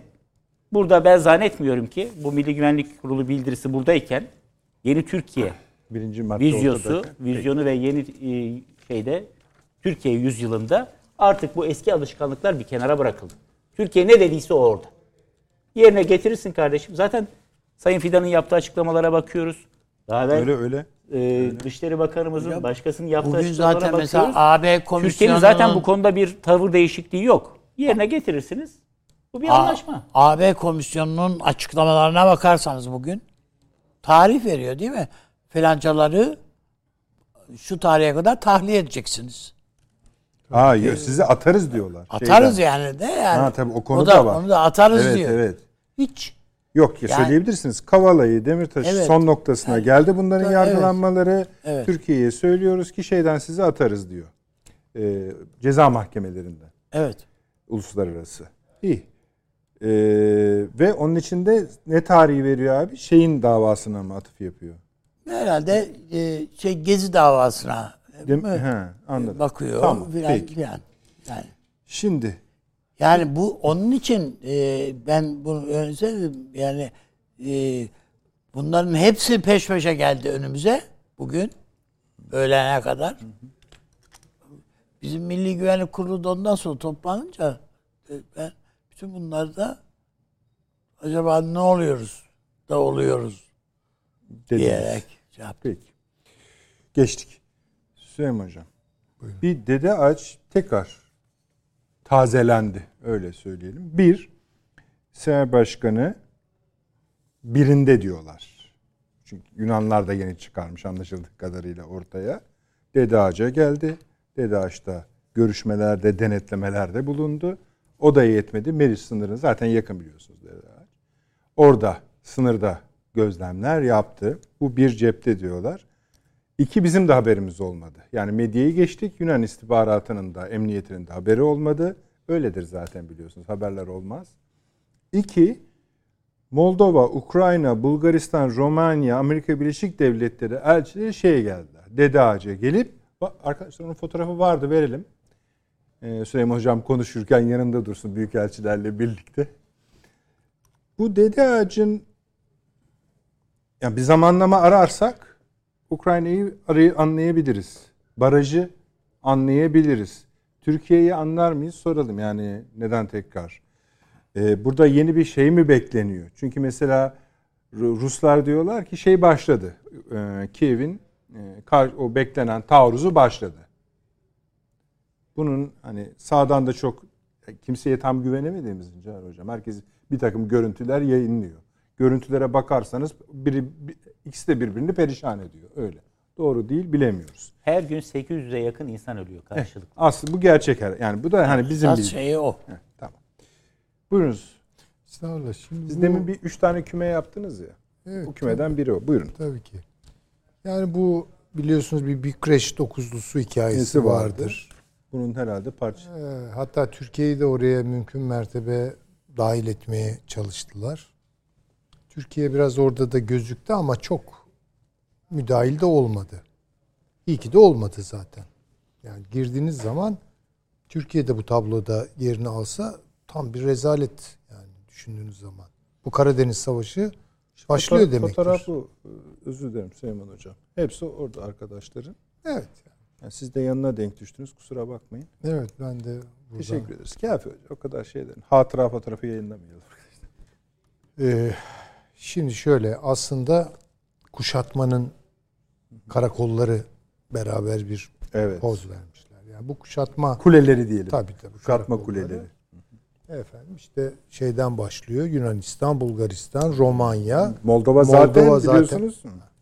Ukrayna. Bu şu demek. Biz Rusya-Ukrayna savaşını e,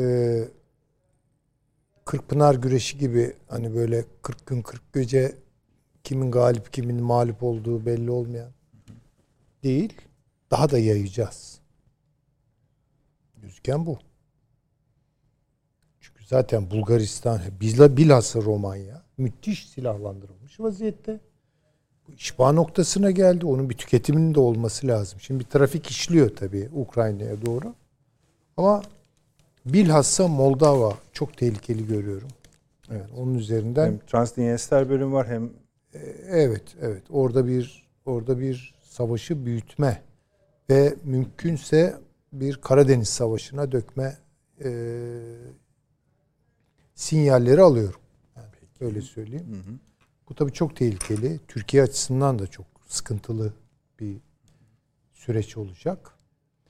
Çünkü şimdi bakıyorum yani biz Bulgaristan'la Romanya ile falan da yani Türkiye'ye karşı pek böyle hoş olmayan şeyleri var. Yani pozisyon alışları falan var.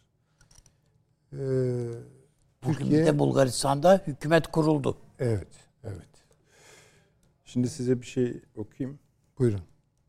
Eski NATO Genel Sekreteri Andres Rasmussen demiş ki Adını andık hemen işte Taşı almamız gerek. iyi ki başka Litvanya'daki zirvede Kiev'e güvenlik garantisi verilmemesi durumunda bir grup NATO ülkesi bireysel adımlar atarak Ukrayna'da asker konuşlandırabilir.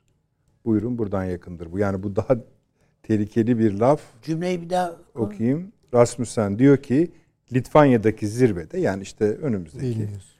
Kiev'e güvenlik garantisi verilmemesi durumunda bir grup NATO ülkesinin bireysel adımlar atarak Ukrayna'da asker konuşlandırabilir.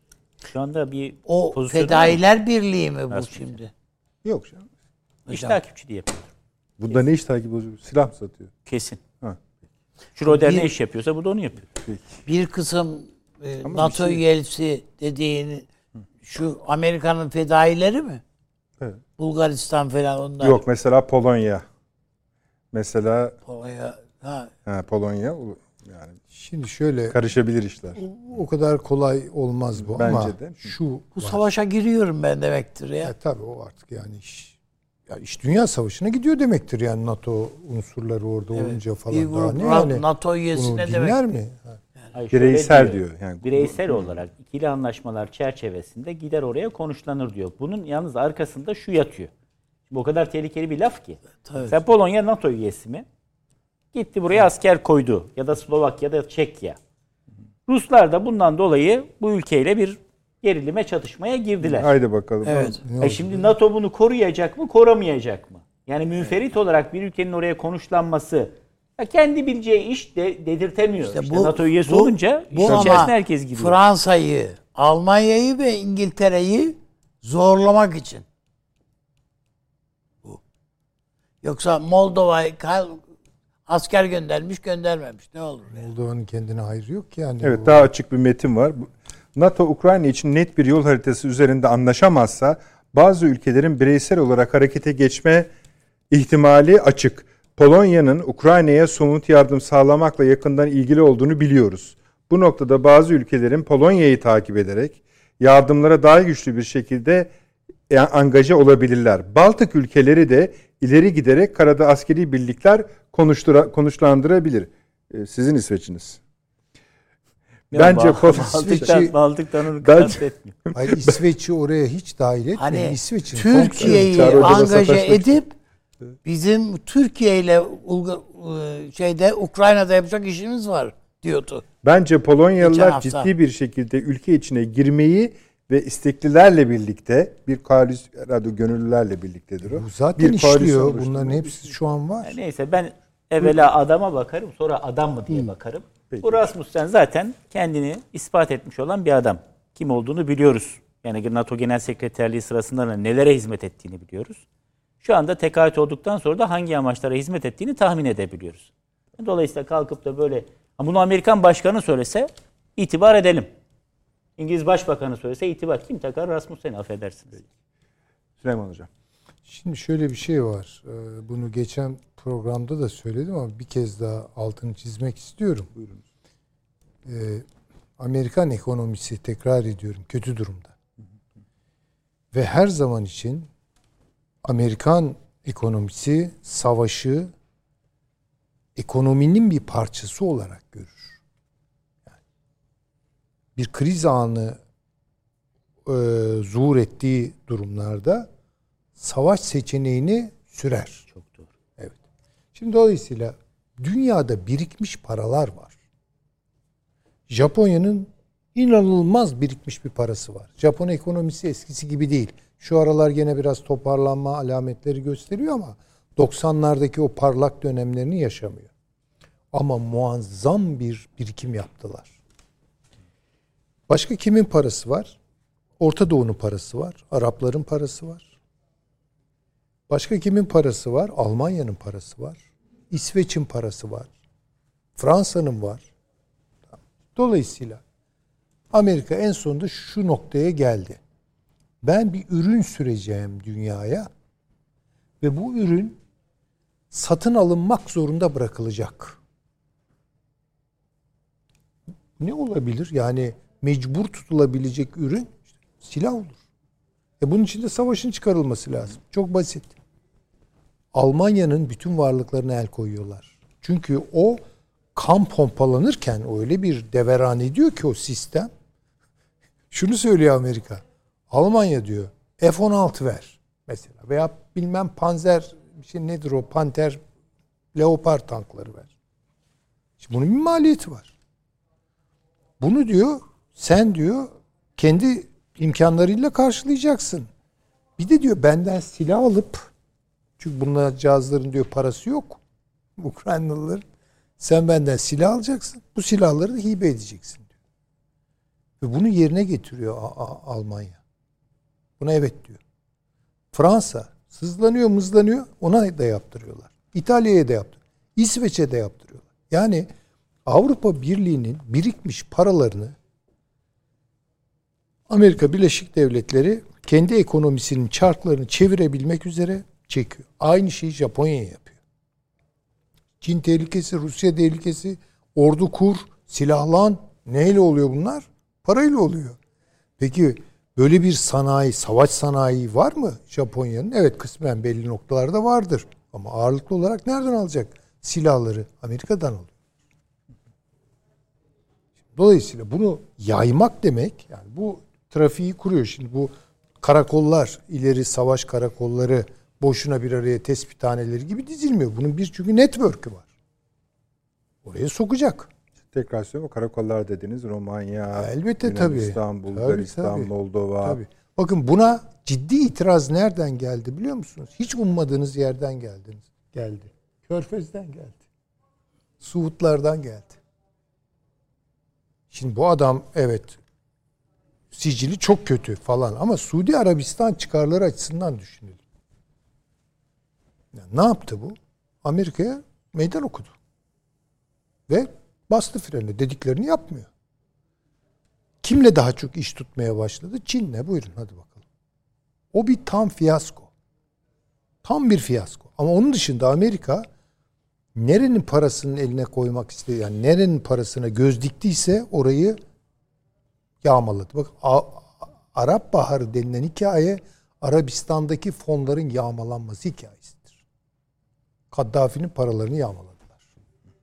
Açık bu. Açık. Bir reklam izni verecek misiniz? Tabii estağfurullah yani zaten. İkinci reklamımızı da bitirelim. Rahat rahat konuşalım. Geliyoruz hemen. Bir Akıl odası devam ediyor efendim. Çağrı hocamıza geçti sıra. Buyurunuz. Evet burada ele alınan konular arasında NATO üyeliği konusunu İsveç'in konuştuk. Konuştuk. Yani şeyi yani Ayrıntılı o- uzatmaya biraz gerek yok. şeyi açtı haritayı Süleyman hocam ama şeyde Dede Ağaç'ta biraz kalalım istiyorum sizin. Peki o zaman yaklaşık iki yıldır gündemimizde olan bir konu. Şimdi çeşitli hala spekülasyonlar yapıyoruz biz. Öyle mi? Yani bunu niye yapıyor? Bunun adı spekülasyon çünkü net bir bilgiye dayanmıyor. Tamamen tahmin. Acaba bu ülkeleri Rusya'ya karşı bir savaşa mı sokacak? Acaba kendisi gelip buradan Rusya'ya karşı bir cephe mi açacak? Ya da boğazları mı üzerine baskı yaparak kontrol edecek? İşte Karadeniz'i bir savaş alanına mı dönüştürmek istiyor? Bunların hepsi tahmin, faraziye vesaire. Ama bir fiziki varlık gerçek. Gerçek, Tabii. net. Peki biz niye Amerika'ya sormuyoruz? Sormadık mı? Resmi resmi düzeyde bir mektup yazarsınız. Gayet basit. Sen benim müttefikim değil misin? Evet.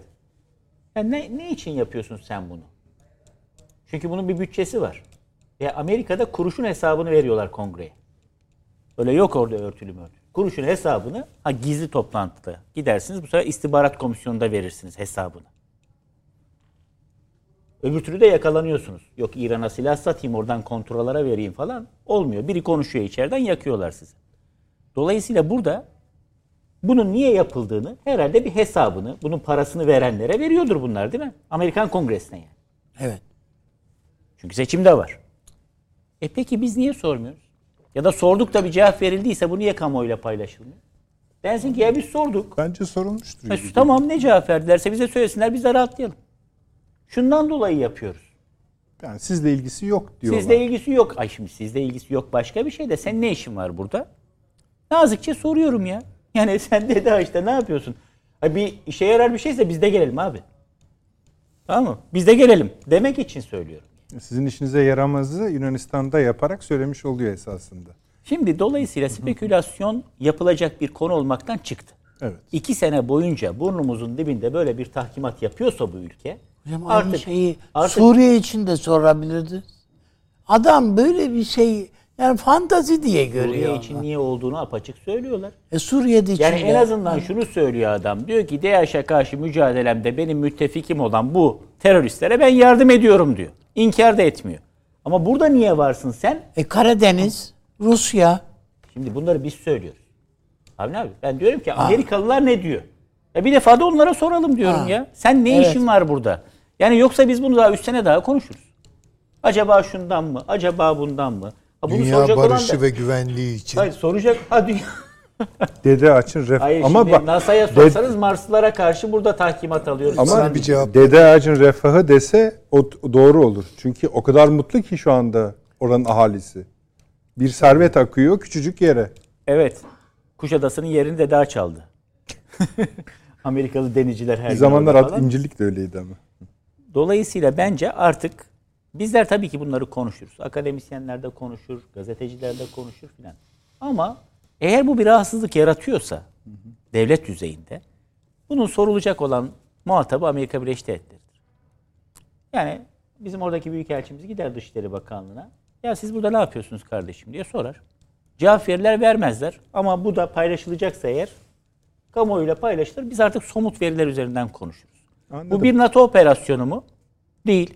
NATO operasyonu olsa niye olduğunu biliriz değil mi? Çünkü biz oy ver, şeye vermeden, rey vermeden, onay vermeden böyle bir operasyon olamaz. Amerikan operasyonu bu baştan Bu bir sona. Amerikan operasyonu. Biz bundan tehdit algılıyor muyuz? algılıyoruz. Neden? Ben şimdi şöyle bir şey Amerikalı Algılamayın diyor adam. Yani sizin için değil diyor bu. Ben Ha, o zaman şöyle bir söyleyeyim. teminat ver. Niye olduğunu söyle ki bize. Biz de tehdit algılamayalım dememiz lazım bunları. prensip olarak ben Amerika mesela bu orduyu götürüp Florida'dan ne bileyim Kaliforniya'ya çekse de huylanırım. Ama bu eğer dedikleri gibi bize de değilse yani sizin için değil rahat olun diyorlar ya değilse dahi ucu dokunuyor işte Çağrı Hocam. Bu kadar şey konuştuk. Ukrayna'sı, şusu, Karadeniz'i bilmem nesi. En azından şunu söyleyeyim. Biz desek ki ya siz boş verin Montreux'u falan geçin boğazlardan deseler geçmeyecek mi? Bütün o gemiler çatır çatır Karadeniz'e girmeyecek mi? Giremez. Niye? Yani biz izin vermediğimiz Hayır onu demiyorum. Desek girmeyecek mi? Buyur desek geçmeyecekler mi? E onunla, yani biz tutuyoruz esasında. Evet.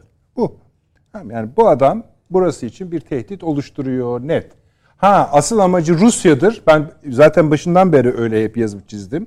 Birinci hedefi odur. Türkiye'de bütün hani bize karşı bize karşı tamam bize de karşı. Ama bu bağlamda bize karşı. Birinci hedefi Rusya. Bugün gelenlerden de yani büyükelçiler listesinden de bunu görüyoruz. Mesele şimdi ne oldu da yeniden bir alevlenme yaşıyor? Bu son gelişmelerle mi ilgili konuşmak istedim ben. Yani işte şey harekatı başladıysadır bu. Yani büyük taarruz başladıysadır. Oradan belki. ikmal yapacak diyorsun. İkmali Böyle var. bir Bu- büyük bu adamları çağırmak başladığı Ruslar öyle diyor. ilişkin bir şey var mı? var. Ruslar öyle diyor. Başladılar diyor. Bu giriş adımları budur diyor. 6 yerden deneme pardon 5 yerden deneme yaptılar. O başta muharebe yoklamaları yapılır ya. Ama tuhaf bir durum var. Ukrayna Savaşı başlamadan evvel bunlar bu Dedaç'a geldiler. O da hiç şüpheli bir durum değil. Bana göre hiç şüpheli Yani bir önce durum değil. takibatı yapıp sonra çatışmayı E, başlattılar diyorsunuz. yani. Bangır bangır yani. Bangır bangır. Genelde Ruslar hırsının- böyle davul zurnayla yaptılar hocam. Ben bu işlerde Amerikalılar. Amerikalılar da Ruslar da öyle. Ya Türk milletinin bu Amerika ile ilişkiler konusunda ben çelişkili duygular içinde olduğunu düşünüyorum. Ne gibi? Ya işte soruyorsunuz en büyük düşmanımız Amerika diyor millet. Değil mi? Evet. Bir sürü de emare var. Bunu Var. yapıyor, bunu yapıyor filan. Tamam o zaman bu incirliği kaldırıverelim burada. Aman sakın ha incirlik kalkmasın. Niye kalkmasın kardeşim incirlik? Seyya'dan çekilmek o kadar kolay bir şey ki. Savunma Ekonomik İşbirliği Anlaşması'ndan. Çekildiğin zaman bir tek incirlik var zaten. Diğer hükümleri berhava olmuş. Kaldırın kardeşim bunu buradan diyelim. Aman ha burada dursun önemimiz azalır. Avni Bey söyler onu. Yani önemimiz azalır der millet. Kask Ya da abi? ya şu Yunanistan'da değil de bizde olsa deseniz emin olun halkın %70-80'i tamam bizde olsun diyecek. Hocam Hadi Dede Ağaç'ta değil de Kuşadası'nda kuralım deseniz. yani şeyi anlayamıyorum ben. Mesela bir yandan biz bütün kanıtlarıyla en üst düzeyden diyoruz ki PKK'yı destekliyorsunuz. Evet Diyor muyuz bunu? diyoruz. Tamam PKK'yı destekleyen ülkenin savaş uçağını niye alıyoruz ya? Niye bunun peşinden koşuyoruz? Adam 50 takla atıyor vermemek için. Yarın öbür gün bir şart daha koyacak, ikinci partiyi vermeyecek. Bir şart daha koyacak, modernize. Şu bağımlılıktan artık kurtulmak için bir fırsat Allah doğmuş iken, inşallah hocam zaten doğmuş iken 3-4 senesi Bakın, kaldı yani. Avni abi, vereceğiz. NATO üyeleri içerisinde hiçbir ülkenin hava kuvvetlerinin muharip uçakları tek bir ülke menşeli değil, sadece Türkiye'de. Evet doğru. Bunu çeşitlendirmek gerekiyor. Kesinlikle. Bunun zamanı da şimdi. Tamam mı? İşte çelişkili Onun duygular zamanı 50 yıl içerisinde önce. çelişkili duy- duygular içerisinde olmamızın sebebi bir yandan diyoruz ki bizi bölmeye çalışıyor, Kesinlikle PKK'yı destekliyor. Aynı ülkenin savaş Aynen. uçağını almak için devletin tamamı değil bunu da söyleyeyim. Bir kesimi uğraşıp duruyor. kültür olarak zaten e, yani Amerika'ya karşı duruş geliştirirken bile herkes zihninin bir tarafında ne kadar Amerikalı gibi düşündüğünü ve Amerikalı gibi hissettiğini sorgulamadan Bu yürümez. yürümez.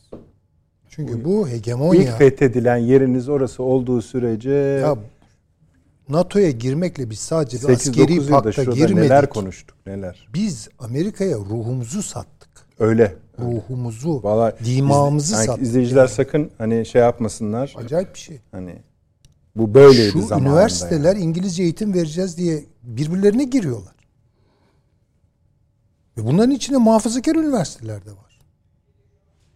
Bunun anlamı nedir ya? ya İngilizceyi öğret ben bir şey demiyorum. İngilizce eğitim nedir? Ya biraz daha nasıl Amerikalı yapacağız bu milleti? O budur. Çünkü Türkçe gibi nefis ve çok imkanlı bir dili geliştirmek, yaygınlaştırmak varken Bırakıyoruz onu biz bir kenara. Kendi haline. Çarçur oluyor orada dilimiz. İngilizce böyle tarzanca karışımı bir şeyle filan öğrencilere bilgi aktarmaya kalkıyoruz. Çok yanlış işler. Onun için ben hani Türkiye'de biri ben anti Amerikanım falan dediğim dediği zaman Bayağı bir bir konuşmasını bayağı izle- bir durmak, izlerim ben. yani. durmak. Yani, bir 15-20 gün onu takip etmem Beklemek lazım, lazım. emin olmak.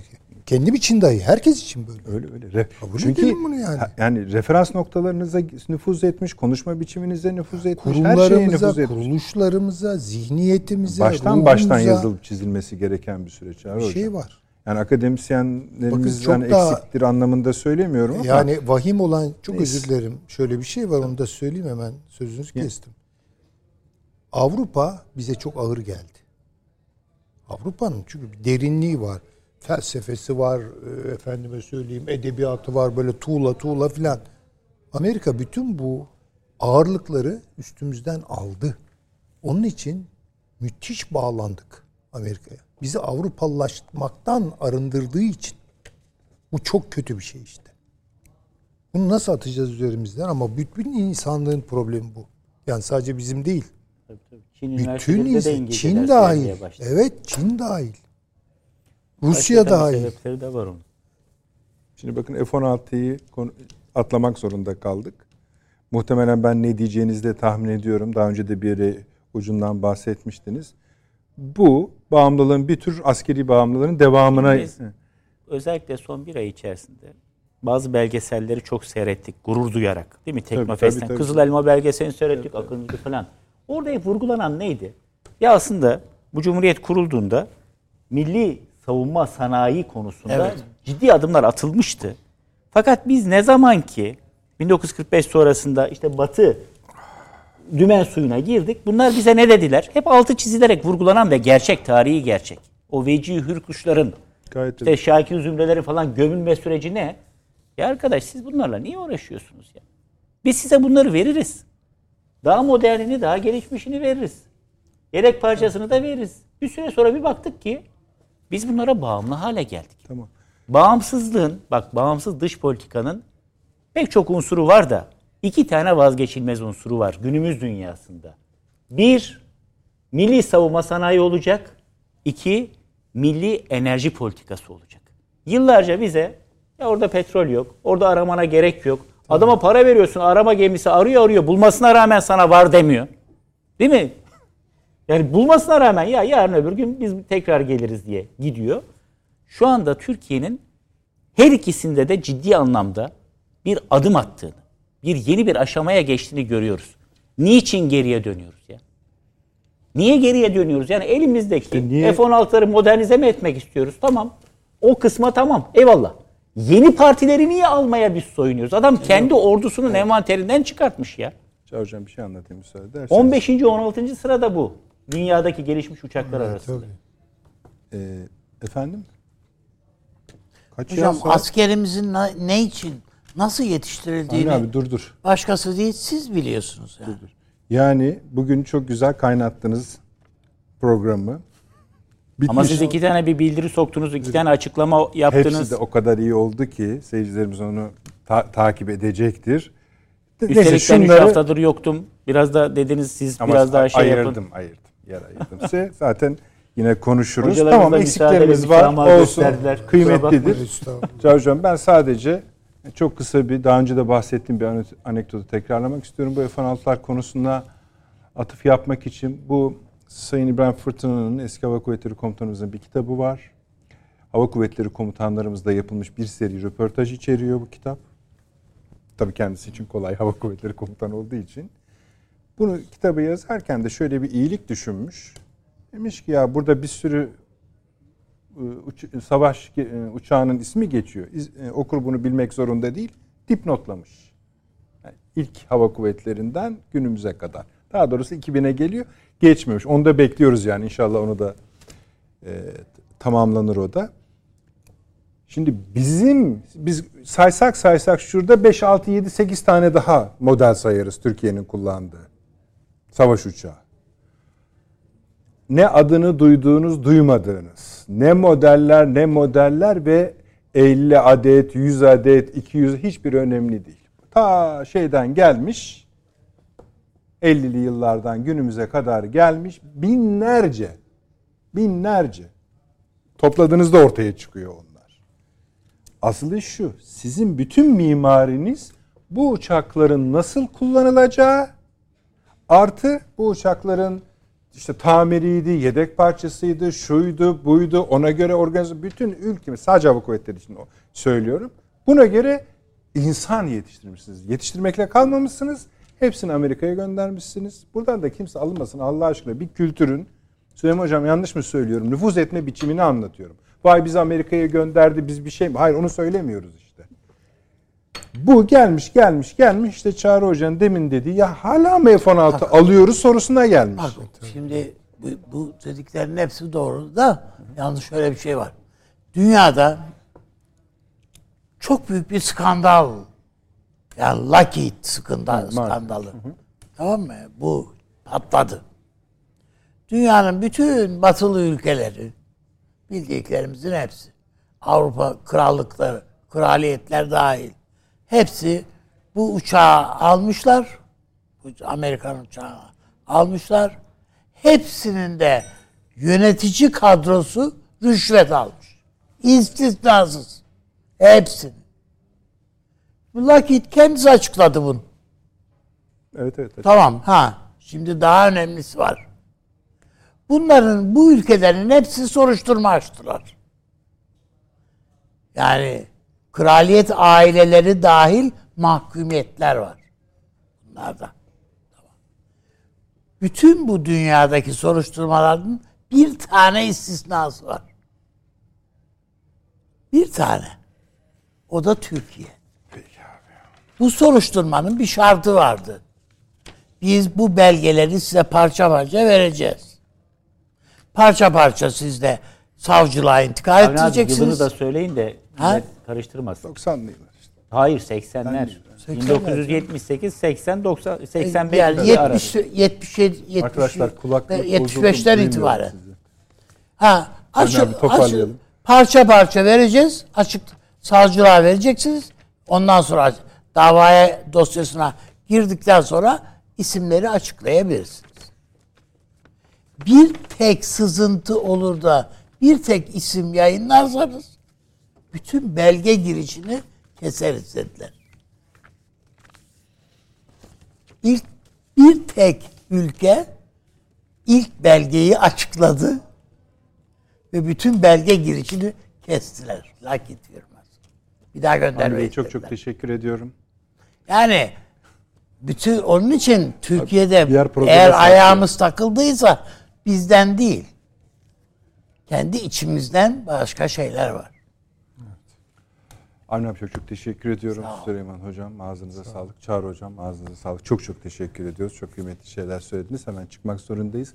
İyi geceler efendim.